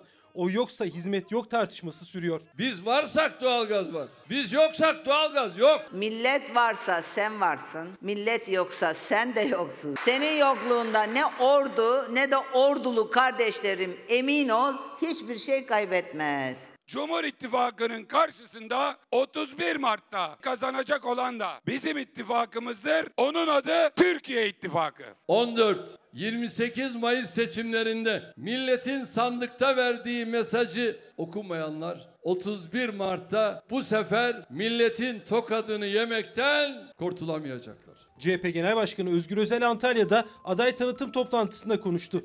Cumhurbaşkanı Erdoğan Afyonkarahisar'da. AK Parti ve Cumhur İttifakı olarak rakiplerimizin bu işler acısı haline bakıp da asla rehavete kapılmıyoruz. Milli takım gol atınca ayağa kalkıp sevinen herkesin oyuna talibiz. Mühür sende, sandık önünde. 31 Mart'ta bunlara haddini bildirirsen 1 Nisan'dan korkma kardeşim. Seçime 40 günden az süre kala liderler karşı karşıya. Özgür Özel'in bu arada 1 Nisan endişesi var. Bir acı reçete bizleri bulacak diyor. O acı reçeteyi de konuşacağız. Oy yoksa hizmet yok, hizmette yok tartışması, gizli, örtülü bir e, slogan e, haline geldi. Yorumları yapılıyor siyasette. AK Parti adına, Cumhur İttifakı adına biz varsak doğalgaz var. Bir ordulu olarak ne dersiniz bu söze? Bu orduluya yapılan en büyük hakaret. Ordulara sesleniyorum. Recep Tayyip Erdoğan 65 oy verdiğiniz Recep Tayyip Erdoğan size en ağır hakareti yaptı. Niye diyeceksiniz? Oy varsa hizmet var diyor. Ne zaman vermediniz ordulu? 22 yıldır ne zaman oy vermediniz AK Parti'ye? 2018'de ben de çalıştım Recep Tayyip Erdoğan'a Cumhur İttifakı üyesi olarak. ben de. Dolayısıyla o günde %60 aldı Recep Tayyip Erdoğan. Recep Tayyip Erdoğan'a ordulu ne zaman sahip çıkmadı da bu sözü söylüyorsun. Siz de bir dönem Tayyip sahip Erdoğan. çıktınız. 2019 seçimlerinde ben de Cumhur İttifakı üyesiydim. sözü duysaydınız çıkar Recep Tayyip mıydınız? Erdoğan geldi şunu söyledi İlker oraya geleceğim. Ordu'da dedi ki Büyükşehir Belediye Başkan adayınız 7 yıl Enerji Bakanlığı yapmış Hilmi Güler kardeşimi size emanet ediyorum. Hilmi Güler doğalgazı iyi bilir. Hilmi Güler bir yılda doğalgaz gelecek değil mi dedi. Evet efendim dedi. Söz mü dedi. Söz efendim dedi. Ne zaman? 2019. Yıl ne? 2024. Şimdi gelmiş aynı Recep Tayyip Erdoğan.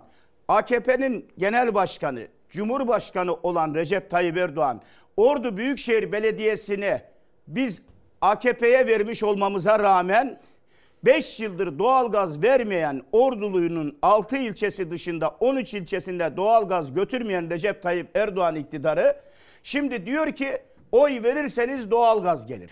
Ordulular soruyorum. Siz biz oy verdik. Ünye, Akkuş, Niksar yolu sözleriydi. Yapıldı mı? Korgan, Kumru, Niksar yolu namustu. Yapıldı mı? Ordu, Ulubey, Gürgentepe, Gölköy, Mesudiye yolu yapıldı mı? Aybastı, Alacalar, Alanyurt. yolu Oy yapıldı mı? Gölköy Oy yolu verdikleri halde bunların hiçbiri yapılmadı mı? 65. Daha ilgincini söyleyeyim. Yüzde 87 oy veren Korgan ilçemiz var. Evet. Fatsa İslam Dağı ile Korgan ilçesi arasında 10 yıldır bekleyen 10 kilometre bir yol var. Namus sözü dediler. Yapıldı mı Ordulu? Ordulu, Ordu Büyükşehir Belediye Başkanı Hilmi amca 552 proje verdi biz de destekledik. 5 proje hayata geçti mi? İncir, marmelat dışında. Ordu Büyükşehir Belediyesi yasak elma dizisi gibi yönetiliyor. Onun dışında bir yönetim şekli gördük mü 5 yıldır? Ordulu Allah'ınızı seviyorsanız konteyner limanı dediler yaptılar mı? Fatsa'ya bir seyir adası dediler. 1 milyarın üzerinde para harcadılar. Ada dalgada gitti, yok oldu, yıkıldı. Şimdi tabii ordulular Şimdi- ne düşünüyor onu göreceğiz. Sandıkta belli olacak. E şimdi sandıkta belli olacak Mesela diye siz ordulu olarak bu sözü o gün duysaydınız 2019'da. Bu sözü o gün duysaydım vallahi de desteklemezdim, billahi de desteklemezdim. Zaten bu sözler gibi sözleri duyduğum için eleştirdiğimden dolayı atmadılar mı İlker? Bazıları diyor ki MHP'den niye ayrıldın? Siyaset bilgisi olmayanların bunu sormasını anlarım. Ben MHP'den ayrılmadım. Ben hayatımı milliyetçi gözümü açtım ülkücü olarak Milliyetçi Hareket Partisi'nde siyaset yaptım. Ama Recep Tayyip Erdoğan böyle yalan yanlış konuştuğu için Milliyetçi Hareket Partisi'nde milletvekili olduğum dönemde bunları eleştirdim. AFO'nun mektubuna karşı çıktım. Ozan Ceyhun'un Avusturya'ya büyükelçi olmasına karşı çıktım. Bugünlerde Sayın e, Karabük Belediye Başkanı Rafet Bey'in açıklamalarını da takip ediyor musunuz? Kesinlikle takip İzleyelim mi bir? Ne der Şunu acaba? bitireyim hemen Lütfen. izleyeyim. Buyurun peki. Karşı çıktım. Tarım Bakanı'nın fındık üreticisinin hakkını yemesine karşı çıktım. Toplum yararına projeden işe alınırken AKP il binasında alınmasına torpile karşı çıktım. Ülkücü devlet memurlarının kamu Türkiye Kamusen üyelerinin Türk Kamusen üyelerinin mobbing uygulanmalarına karşı çıktım. Ülkücülerin kadrolardan mobbingle uzaklaştırılmasına karşı çıktım ve sonuçta Devlet Bahçeli dedi ki sen Cumhur İttifakı'na zarar veriyorsun dedi. Beni MHP'den attı. Niye? İşte haksızlık karşısında susan dilsiz şeytandır diye inandığım için haksızlığa isyan ettim. Şimdi de aynı şeye isyan ediyorum. Benim Recep Tayyip Erdoğan'la arazi davam yok, kan davam yok, herhangi bir şeyim yok. Recep Tayyip Erdoğan Bir dönem 85 Recep abi milyon- diye seslenirdiniz. Tabii 85 milyona Cumhurbaşkanlığı yapsa ben bilakis mutlu olurum. Ben milletimin 25 bin dolar milli gelir olmasını isterim. Ben milletimin çocuklarının gelecek hayali endişesi yaşamamasını isterim. Ben 15 yaşında uyuşturucu bataklığına düşen gençleri gördükçe ağlıyorum. Ben bu ülkede kadınların öldürüldüğünü gördükçe ağlıyorum. İnsanların çöpten ekmek topladığını görünce ağlıyorum. Bazıları diyor ya senin maaşın yeterli diyor. Dümenin yerinde. Ya hacı abi yapma ya. Yapma gözünü seveyim. Benim maaşım iyi. Benim ihtiyacım yok. Doğru diyorsun. Ama ben komşusu aç iken karnı tok yatan bizden değildir. Peygamberin sözüne uygun olup aç olanların hakkını savunmak için feryat ediyorum. Sesinizi Recep Tayyip Erdoğan'a duyurmak için feryat ediyorum. Ben Terörle mücadelede gazi sayılmayan insanlar gazi sayılsın diye mücadele ediyorum. Ben yardımcı hizmetler sınıfındakiler kadro alsın diye mücadele ediyorum. Denklik sınavını şey denklik sınavını geçememiş YÖK'ün açtığı yurt dışındaki okumasını denklik olarak kabul etmeyen 110 bin öğrencinin hakkı için mücadele ediyorum. Ben yemin ettim anayasaya sadık kalıp milletimin hakkını hukukunu savunacağıma. Ben o mecliste oturup Kırmızı koltuklarda oturup dokunulmazlık zırhının arkasına saklanıp yan gelip yatıp maaş almak için vekil olmamaya yemin ettim. E dolayısıyla şimdi bu hakkı savunuyorum ama Recep Tayyip Erdoğan orduya geliyor, milleti tehdit ediyor. O zaman Recep Tayyip Erdoğan'a sesleniyorum. Vicdani olarak sesleniyorum. Recep abi. Ordu'da oy kullanıyorum. Sana oy vermeyeceğim Allah'ın izniyle. AKP belediye başkanına oy vermeyeceğim.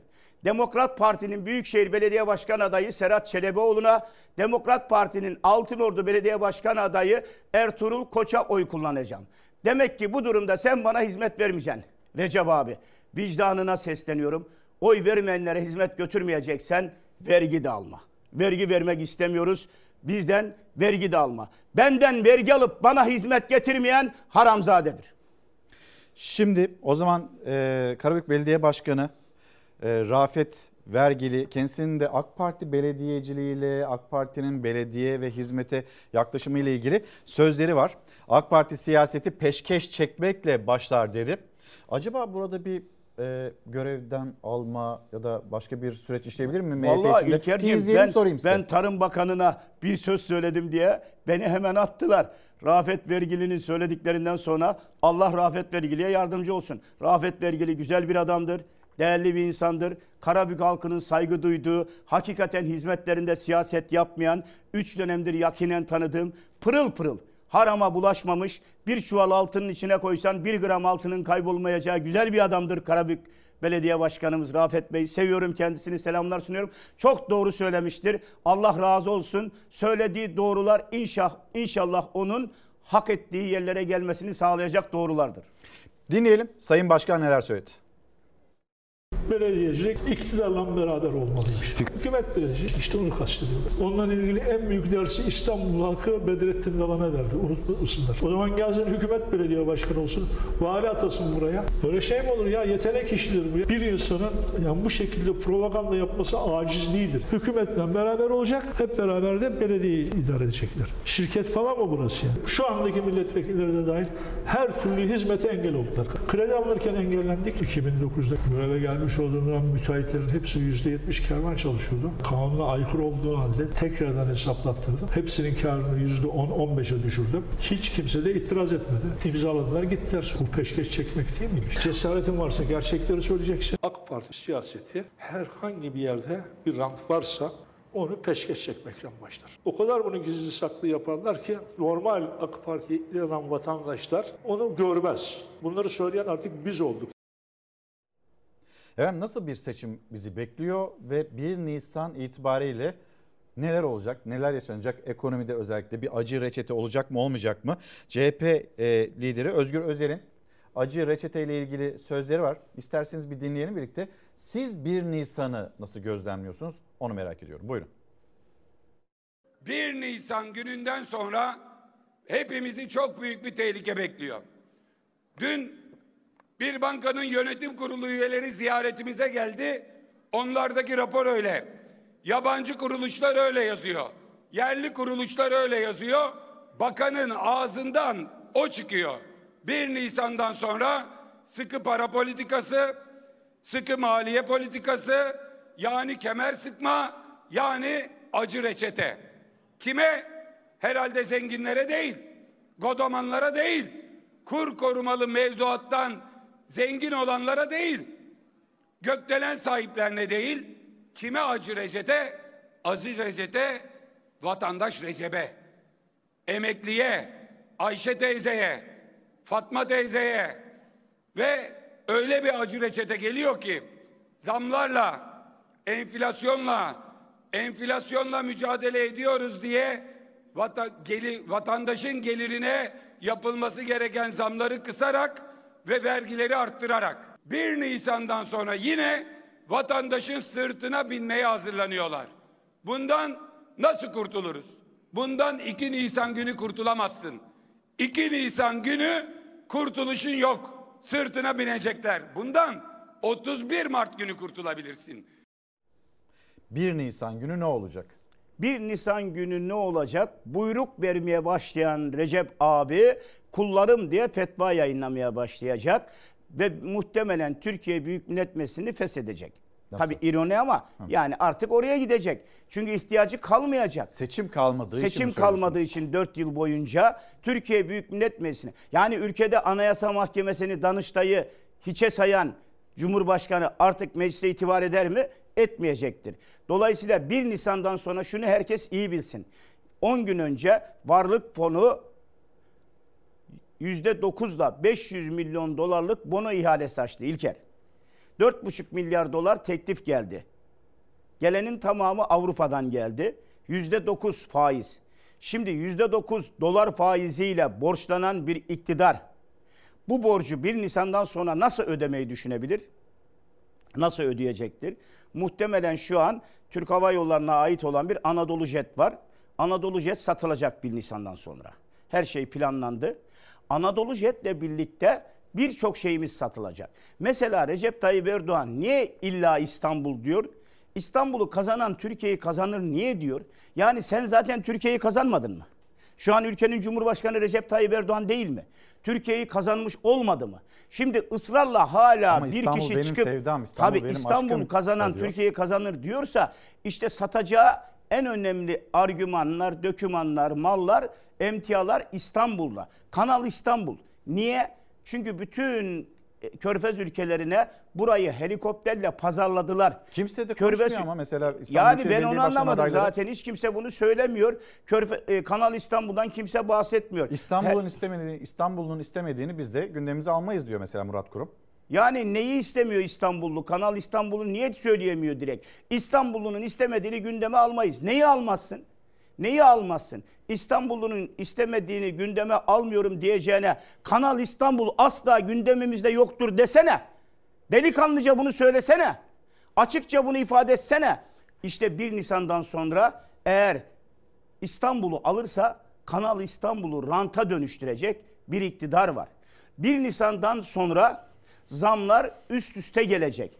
1 Nisan'dan sonra Rusya şu an borcumuz olan hani o bedava bedava diye doğalgazcı var diye bir soytarı bağırıyordu ya. Evet. O bedava doğalgazların ödenecek parası var. Şimdi Putin o parayı istiyor. 30 milyar doları aştı. Paramı derhal öde diyor. 1 Nisan'dan sonra bu paranın da ödemesini talep edecek. Ertelediler 31 Mart seçimine kadar üzerimize gelme dediler. Yani her işleri 1 Nisan sonrasına ayarlandı. Bak Mısır'a gitti değil mi? Darbeci Evet. Sisi'ye. İstanbul seçimlerinde oyunu Sisi'ye mi vereceksin, Binali Yıldırım'a mı vereceksin derken hakaret etti. Kalktı sevgililer gününde Sisi'ye gitti. Mısır'a gitti. Ben şimdi AK Parti'ye oy veren seçmenlere sesleniyorum. 10 yıl boyunca dört parmak işareti yaptırdı. Bunun adına Rabia dedi. Şimdi soruyorum. Mısır'a gitti de Rabia'nın mezarını ziyaret etti mi? Rabia'ya bir Fatiha okudu mu? Daha Rabia diyor mu? Etmeyin. Aklınızı başınıza alın. Bunlar sadece ihtiyaç olduğunda dini diyaneti kullanıyorlar. Bak kelime-i tevhide bayrak dedi Recep Tayyip Erdoğan. Sırf oy alabilmek için kelime-i tevhid bayrağına karşı çıkan lümpen faşistler var dedi. Kelime-i tevhid bayrağı olur mu İlker? Bu ülkenin tek bir bayrağı vardır. Anayasanın ilk dört maddesinde belirtilmiştir. Kırmızı zemin üzerinde ay yıldızlı kanımızla suladığımız, rengini aldığımız ay yıldızlı bayraktır bizim bayrağımız. Ama Recep Tayyip Erdoğan kelime-i tevhid diye bir bayrak uydurdu. Kelime-i tevhid dediği bayrak Suudi Arabistan'ın bayrağı. Dün gördün değil mi o mankenin o bayrakla verdiği fotoğrafı? O fotoğrafı Türkiye'de birisi verseydi kadın şu anda linç edilmişti. Linç. Dolayısıyla Recep Tayyip Erdoğan 1 Nisan sonrasında iktidarının devamı için herkesle her türlü birliği, beraberliği kurdu ama bir tek bizi sevemedi. Bir tek muhalefeti sevmiyor. Bir cumhurbaşkanı düşünün ki katil dediği Suudi Arabistan prensine kardeşim dedi.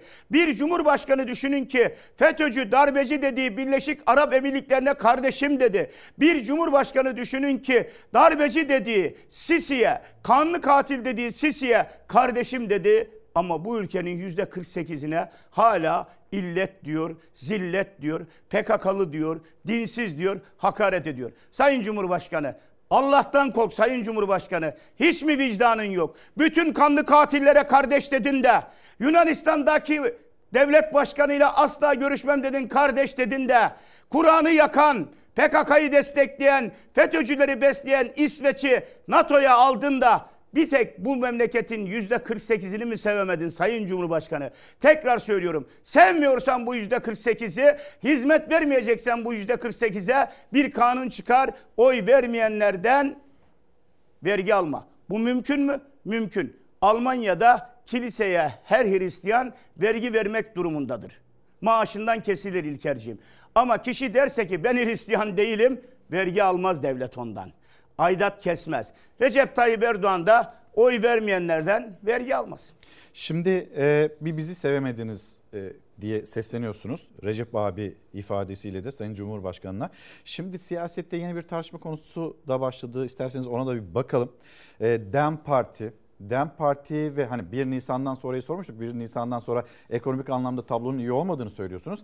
Ama siyaseten de ilginç bir süreç başlayabilir iddiaları var. Mesela yeni bir çözüm sürecinin hazırlığı 1 Nisan itibariyle e, olacak. Yani şu anda hazırlığı var. 1 Nisan itibariyle de hayatımıza girebilir değerlendirmeleri yapılıyor.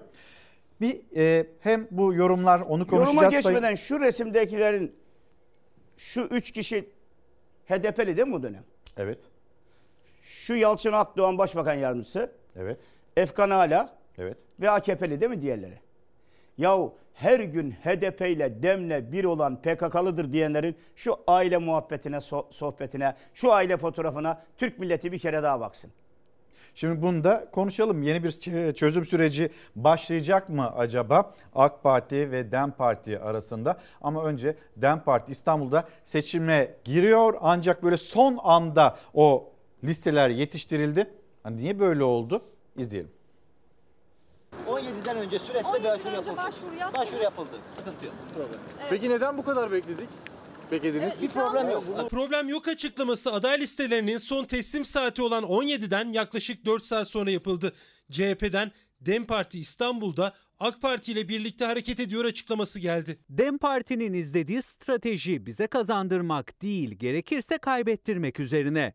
Bu çok ortada. AK Parti ile de 1 Nisan sonrasına yönelik kayyum atama meselesi başta olmak üzere çeşitli görüşmeler yapılıyor. 17'de teslim etmişler etmemişler o bizim sorunumuz değil ama ortaya çıkan tablo ne? Ekrem İmamoğlu'na seçim kaybettirmek için hep birlikte gayret ediyorlar. İstanbul Büyükşehir Belediye Başkan adaylığı için başvurumuzu zamanında yaptık. Yapılan spekülasyonlar gerçeğe yansıtmamaktadır. Bu spekülasyonları gidermenin sorumluluğu İl Seçim Kurulu'ndadır. Dem Parti bu açıklamayı 18.31'de yaptı. Sadece 2 dakika sonra 18.33'te Dem Parti İstanbul Milletvekili Celal Fırat Tele1 yayınında bir dakika krizi yaşandığını açıkladı. Bizim yetkili arkadaşlar Yüksek Seçim Kurulu'na gidiyorlar. Bazı evraklardan eksik olduğunu dillendiriyorlar. O evrakları tamamlamaya gittik. Tekrar geri geldiklerinde bir dakika geç geliyorlar. Bu açıklamaya göre DEM Parti İstanbul Büyükşehir aday listesini 17'den önce İl Seçim Kurulu'na getirdi. Ancak listeye getiren avukatlarda yetki belgesi olmadığı belirlendi.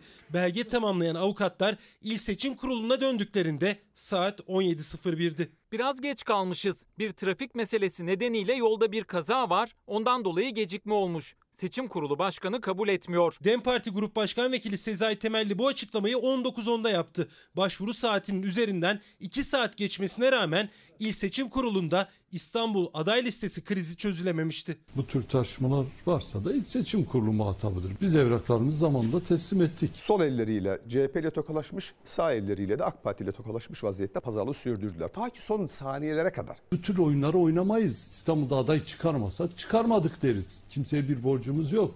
DEM Parti eş genel başkanı Tuncer Bakırhan İstanbul aday listesinin bilinçli geç götürüldüğü iddiasını yalanlarken İstanbul İl Seçim Kurulu Başkanlığı açıklama yaptı. Halkların Eşitlik ve Demokrasi Partisi adına İdil Uğurlu 16.55'te başvuru yapmış olup 17.14'te inceleme tamamlanmış, iş bu tutanak tarafımızca imza altına alınmıştır. Başvurumuzda hiçbir sıkıntı yok. Zamanında başvurumuzu yapmış bulunmaktayız.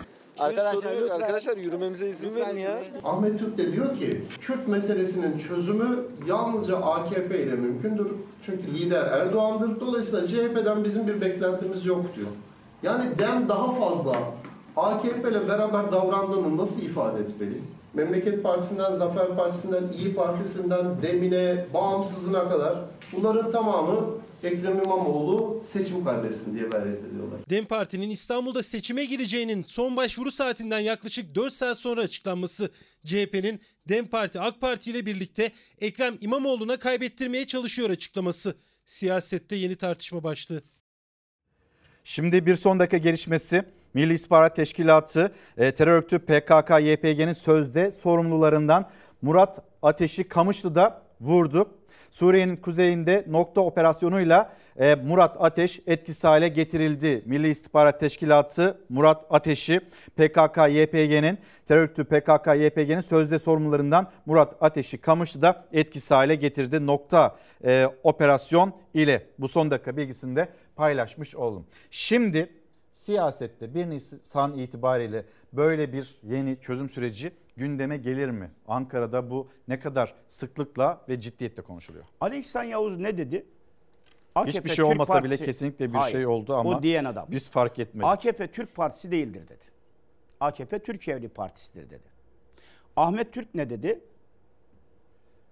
CHP çözemez Kürt meselesini. Tayyip Erdoğan bir liderdir dedi.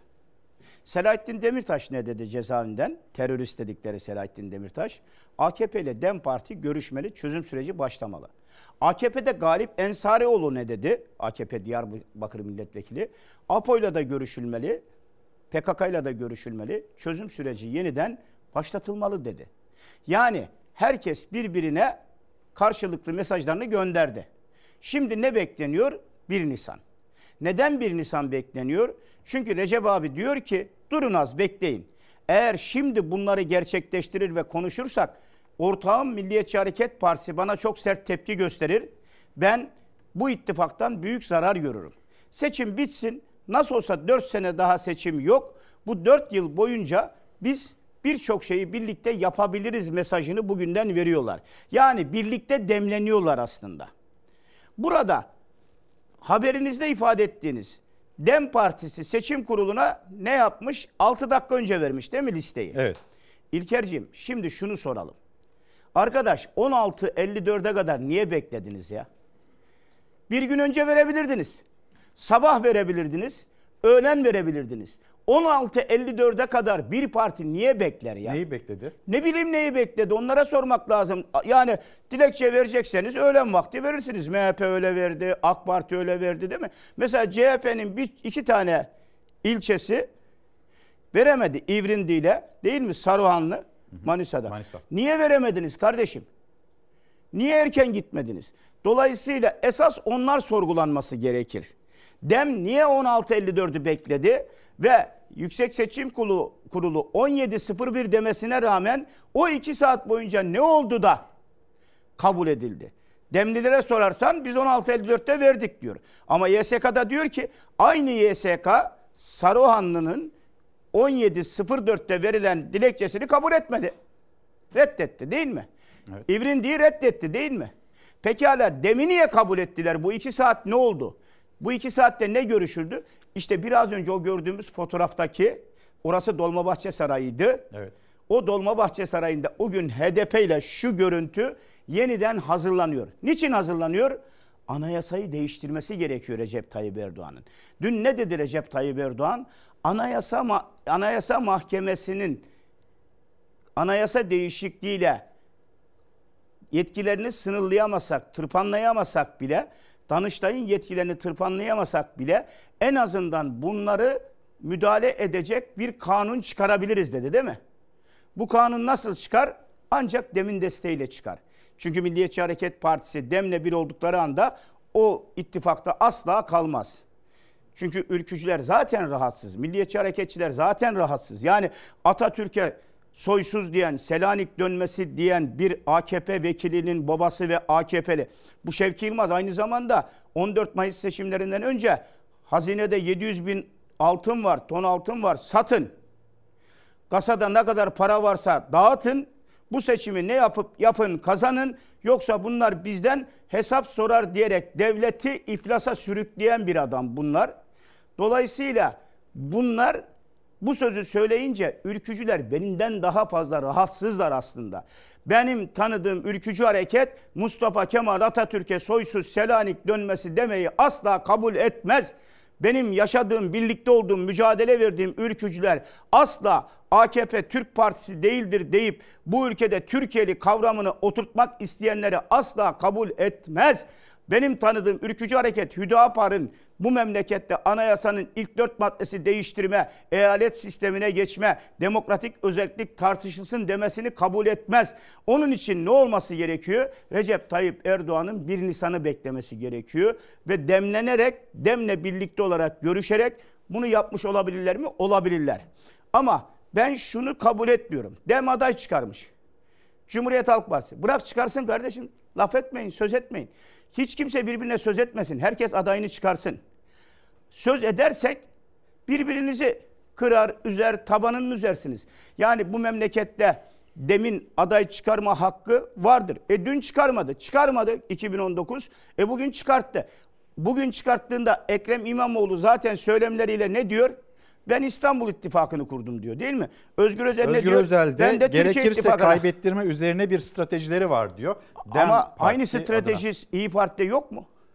Meral Akşener'in dün söylediği, Burak Avuncu'nun söylediği sözler yenileri yutulur sözler mi? Partimize operasyon var, partimizden istifa ettiriyorlar. Partiden istifa edenler onuru varsa ihanet etmemeliydiler. E, o zaman adama sormazlar mı? Siz niye CHP'nin Çukurova Belediye Başkanı'nı partiye aldınız? Niye Seyhan Belediye Başkanı'na aday yaptınız? Türkiye'nin birçok yerinde CHP'lileri, MHP'lileri, AKP'lileri İyi Parti aday yapıyor. Bu sizin en doğal hakkınız iken başkasına hain demek, oradan istifa edenlere hain demek bir söz doğru bir şey değildir. İyi Parti için mücadele etmiş 5 yıl. Bakın İyi Parti'ye en fazla tartışan, karşı karşıya gelen benim. Oradakilerin birçoğu da benim arkadaşım. Geçmiş dönemde ülkücü harekette mücadele Evet. ettiğim insanlar. Ya Meral Akşener bunların hepsini bir kalemde sildi, attı. Şimdi diyor ki gittiniz, ihanet ettiniz. Meral Akşener'in bu konuda kriteri yok zaten. Meral Akşener düne kadar bana kardeşim diyordu. Şimdi Twitter'da beni engellemiş. Bir partinin genel tarafından. başkanı bir milletvekilini engeller mi ya? Engeller mi Meral Akşener? Sen nasıl bir genel başkansın? Nasıl bir demokrasi getireceksin? Nasıl bir özgürlük getireceksin ya? Nasıl bir anlayış bu? Yani benim seni eleştirme hakkım yok mu? Niye rahatsız oluyorsun eleştirme hakkımdan? Sen herkese hain diyorsun, ihanet etti diyorsun, operasyon diyorsun. Benim rakibim Beştepe değil Saraçhane diyorsun. Bana kumpas kurdular diyorsun. Her şeyi söylüyorsun. E şimdi sana birisi söylediğinde bu milletvekili olup söyleyen olduğunda öyle bir tabanı var ki ya inan AKP'li trollerden dert yanıyorduk ya gerek yok ya İyi Parti'nin trolleri zaten pislikte, nefrette, küfürde herkesi geçtiler zaten. Herkesin yani ağzı öyle pis olanlar var ki yani ağzını açtı mı küfürle açıyorlar. Yani nasıl hani İyi Parti'ye bir işte Laf söylediğin ekibini- anda, bir şey söylediğin anda İyi Parti'ye yani Ümit Dikbayır. Ben Ümit Dikbayır'a karşı da siyaseten tavırlıydım. Onurlu bir kardeşimiz. Dik duran bir kardeşimiz. Orada da olsa. Orada da her zaman gördüğümde de saygıda kusur etmedim. İyi Parti'den ayrılan birçok arkadaşımıza da aynı şekilde. Bahadır Erdem. Pırıl pırıl bir insandı. Yahu kardeşim bıraktı diye bir insanın namusuna, şerefine, haysiyetine hakaret edilir mi ya? Bu mu siyaset yani? Ama genel merkezin bunlar hani böyle tasvip ettiği şeyler değil. Tasvip ettiği şeylerdir. Çünkü etmemiş olsa Meral Akşener beni engellemezdi. Tekrar söylüyorum. Bir parti genel başkanı, bir milletvekilini düşüncelerinden dolayı engeller. Ne oldu? Ne geçti engelledi de? Yani engelledi de zaten Meral Akşener tweet okumaz. Tweet'i zaten danışmanlara okurdur. Dolayısıyla benim yazdıklarımı zaten okumazsın. Benim söylediklerimi duyarsın zaten. Beni zaten susturamazsın. Engelleyince beni susturmuş mu oldu tweetten şimdi? Şimdi bir diğer önemli konuya geçelim. Ee, o da Erzincan. Erzincan'da yaşamış olduğumuz maden felaketi. Ee, Çevre Bakanı günler sonra oraya gitti ve aileler, aileler de bakanlara seslerini duyurmak istemişlerdi. Bir izleyelim haberi.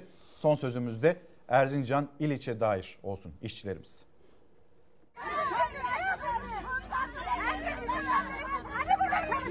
Nasıl çıkartacaksın? Sen almadın çıkartamazsın. Madenci girecek buraya madenci. Oğlum o senin işin değil bak Yusuf, Affan, madenci senin işin değil. Benim Benim baba uğraşmam. uğraşmam. Ben- Kayla almıyorsunuz ki karşımıza birini çıkarmadınız Evet. oradan. Hayır, bir dakika. neden? Soruyorum neden? Bakanlar nerede? Hepsi Niye kaçtı. karşımıza çıkıyorsunuz? Senin yaptığın doğru mu? Senin yaptığın doğru mu? Sen tamam da sen ne yaptın? Sen ben ne yaptın? Ne bir açıklama ne bir muhatap vardı. Bir de üstüne arama faaliyetlerinin durmasıyla bardak taştı. Toprak altında kalan madencilerin yakınlarının umutlu bekleyişi çığlığa dönüştü.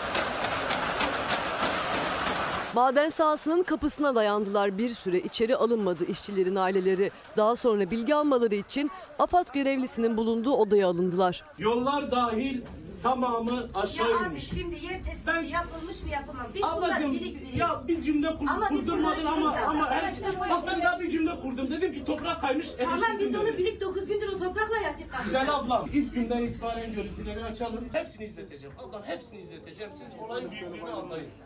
Bakın olayın büyüklüğünü bir saniye. Yok ben size bir şey anlatacağım. Bakın ince bir nokta var. Ya bir, bir cümlemi bitireyim ablacığım sonra beni eleştirin. Kurban olayım. Madenci yakınları AFAD görevlisinden açıklama istedi. Bu zamana kadar ne yapıldığını anlatmasını hatta göstermesini istediler. Ancak öfke sabırları da tüketti. Tek istedikleri arama çalışmalarının başlaması ve şeffaf olmasıydı. 11 milyon metreküp toprak aşağı kaymış. Canlarımız bu toprağın belirli noktalarında akış yönüne doğru çeşitli alanlara savrulmuş. O görüntüleri izlemek çok zordu. Sinir krizi geçirenler oldu. Odadaki isyan dışarı taştı.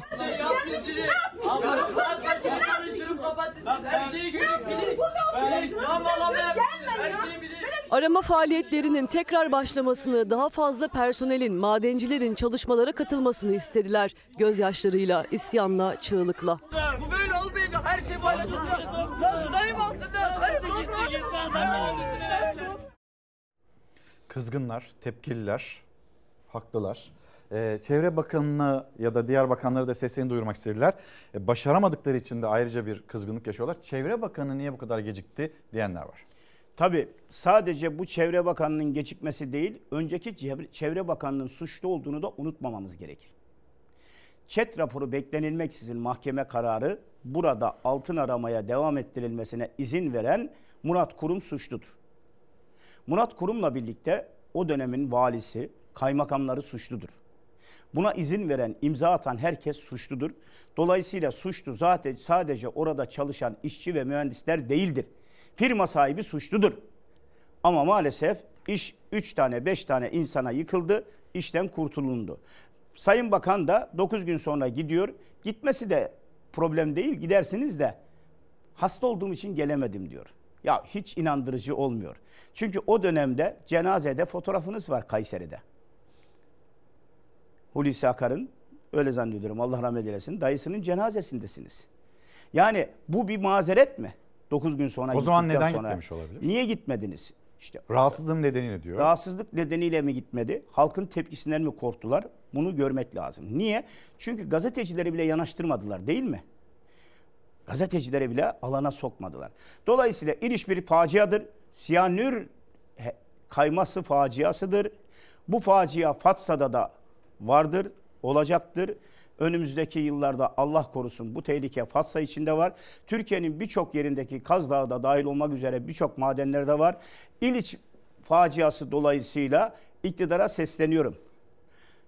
Kazandığınız altından devletin hiçbir geliri yok. Ama kaybettiğimiz canlar bir daha gelmeyecek. Canlar ölmesin diye, doğa katledilmesin diye, insanlarımız siyanürle zehirlenmesin diye Fatsa başta olmak üzere İliç'te dahil bütün altın maden ocakları kapatılmalı. Demokrat Parti olarak bunu söz veriyoruz. Ve son bir söz alayım veriyoruz. o zaman sizden. İstanbul seçimi bir ara aday olacağınız da konuşulmuştu. Hatta kendiniz de burada e, resti cümleler de kurmuştunuz. İstanbul kararınızı bir kez daha duymak isteriz. Bir 20 saniyemiz var. İstanbul seçimlerinde gördük ki muhalefet muhalefete karşı siyaset yapıyor. İstanbul seçimlerinde gördük ki Recep Tayyip Erdoğan'ın değirmenine su taşınır hale gelinmiştir. Cumhuriyet Halk Partisi'nden milletvekili olarak seçilmiş bir Cemali Engin olarak vefanın sadece İstanbul'da bir semt adı olmadığını göstermek adına durduğumuz yerde durmak adına İstanbul Büyükşehir ve Ankara Büyükşehir'de CHP adaylarını destekliyoruz. İlçelerde adaylarımızı çıkarttık. Mücadelemizi veriyoruz. Çünkü biz diyoruz ki Recep Tayyip Erdoğan seçim sonrasında mutluluk tablosu yaşamasın. Yaşatmamak için de İstanbul'da Ekrem İmamoğlu'na, Ankara'da Mansur Yavaş'a destek veriyoruz ve tekrar söylüyoruz. Cumhuriyet Halk Partisi'nden seçilmiş bir milletvekili olarak CHP'ye kaybettirmeyi ömür boyu vicdanen taşıyamazdık. Bu sorumluluğu taşımamız mümkün değildi. Genel Başkanımız ve Başkanlık Divanımız bu konuda kararını net bir şekilde ortaya koymuştur. Türkiye'nin her yerinde elimizden geldiğince aday çıkarttık. Ordu'da, Büyükşehir'de Serhat Çelebioğlu, Altınordu'da Ertuğrul Koç, Kabadüz'de Yasemin Şahin, e, İkizce'de Taner Sarı, Giresun ilçesinde de şey Giresun elimizde de İbrahim Ünye diye bir kardeşimiz çıkararak Karadeniz'de iddialıyız. Halkımızdan Cemal Engürt'e oy verir gibi Demokrat Parti'nin kıratına Türkiye'de oy vermelerini bekliyorum. Efendim teşekkür ederim. Çok sağ olun. Geldiğiniz Çalar Saat'te gündemi değerlendirdik. E, hararetli bir yayın oldu. Ve e, sandıkta belli ederim. olur diyeceğiz. Rica ederiz. Ne demek efendim. Şimdi bir mola döneceğiz. Günaydın bir kez daha hızlı, hareketli, hararetli bir çalar saatti tamamladık ve yarın saatler 8 gösterdiğinde biz yeniden burada olacağız. Türkiye'nin gündemini konuşabilmek için kapatırken her zamanki gibi teşekkürümüz de sizlere. Bizi izlediğiniz için teşekkür ederiz. Yarın sabah haftanın son iş gününde Cuma sabahında görüşmek dileğiyle. Hoşçakalın. Güzel bir gün olsun.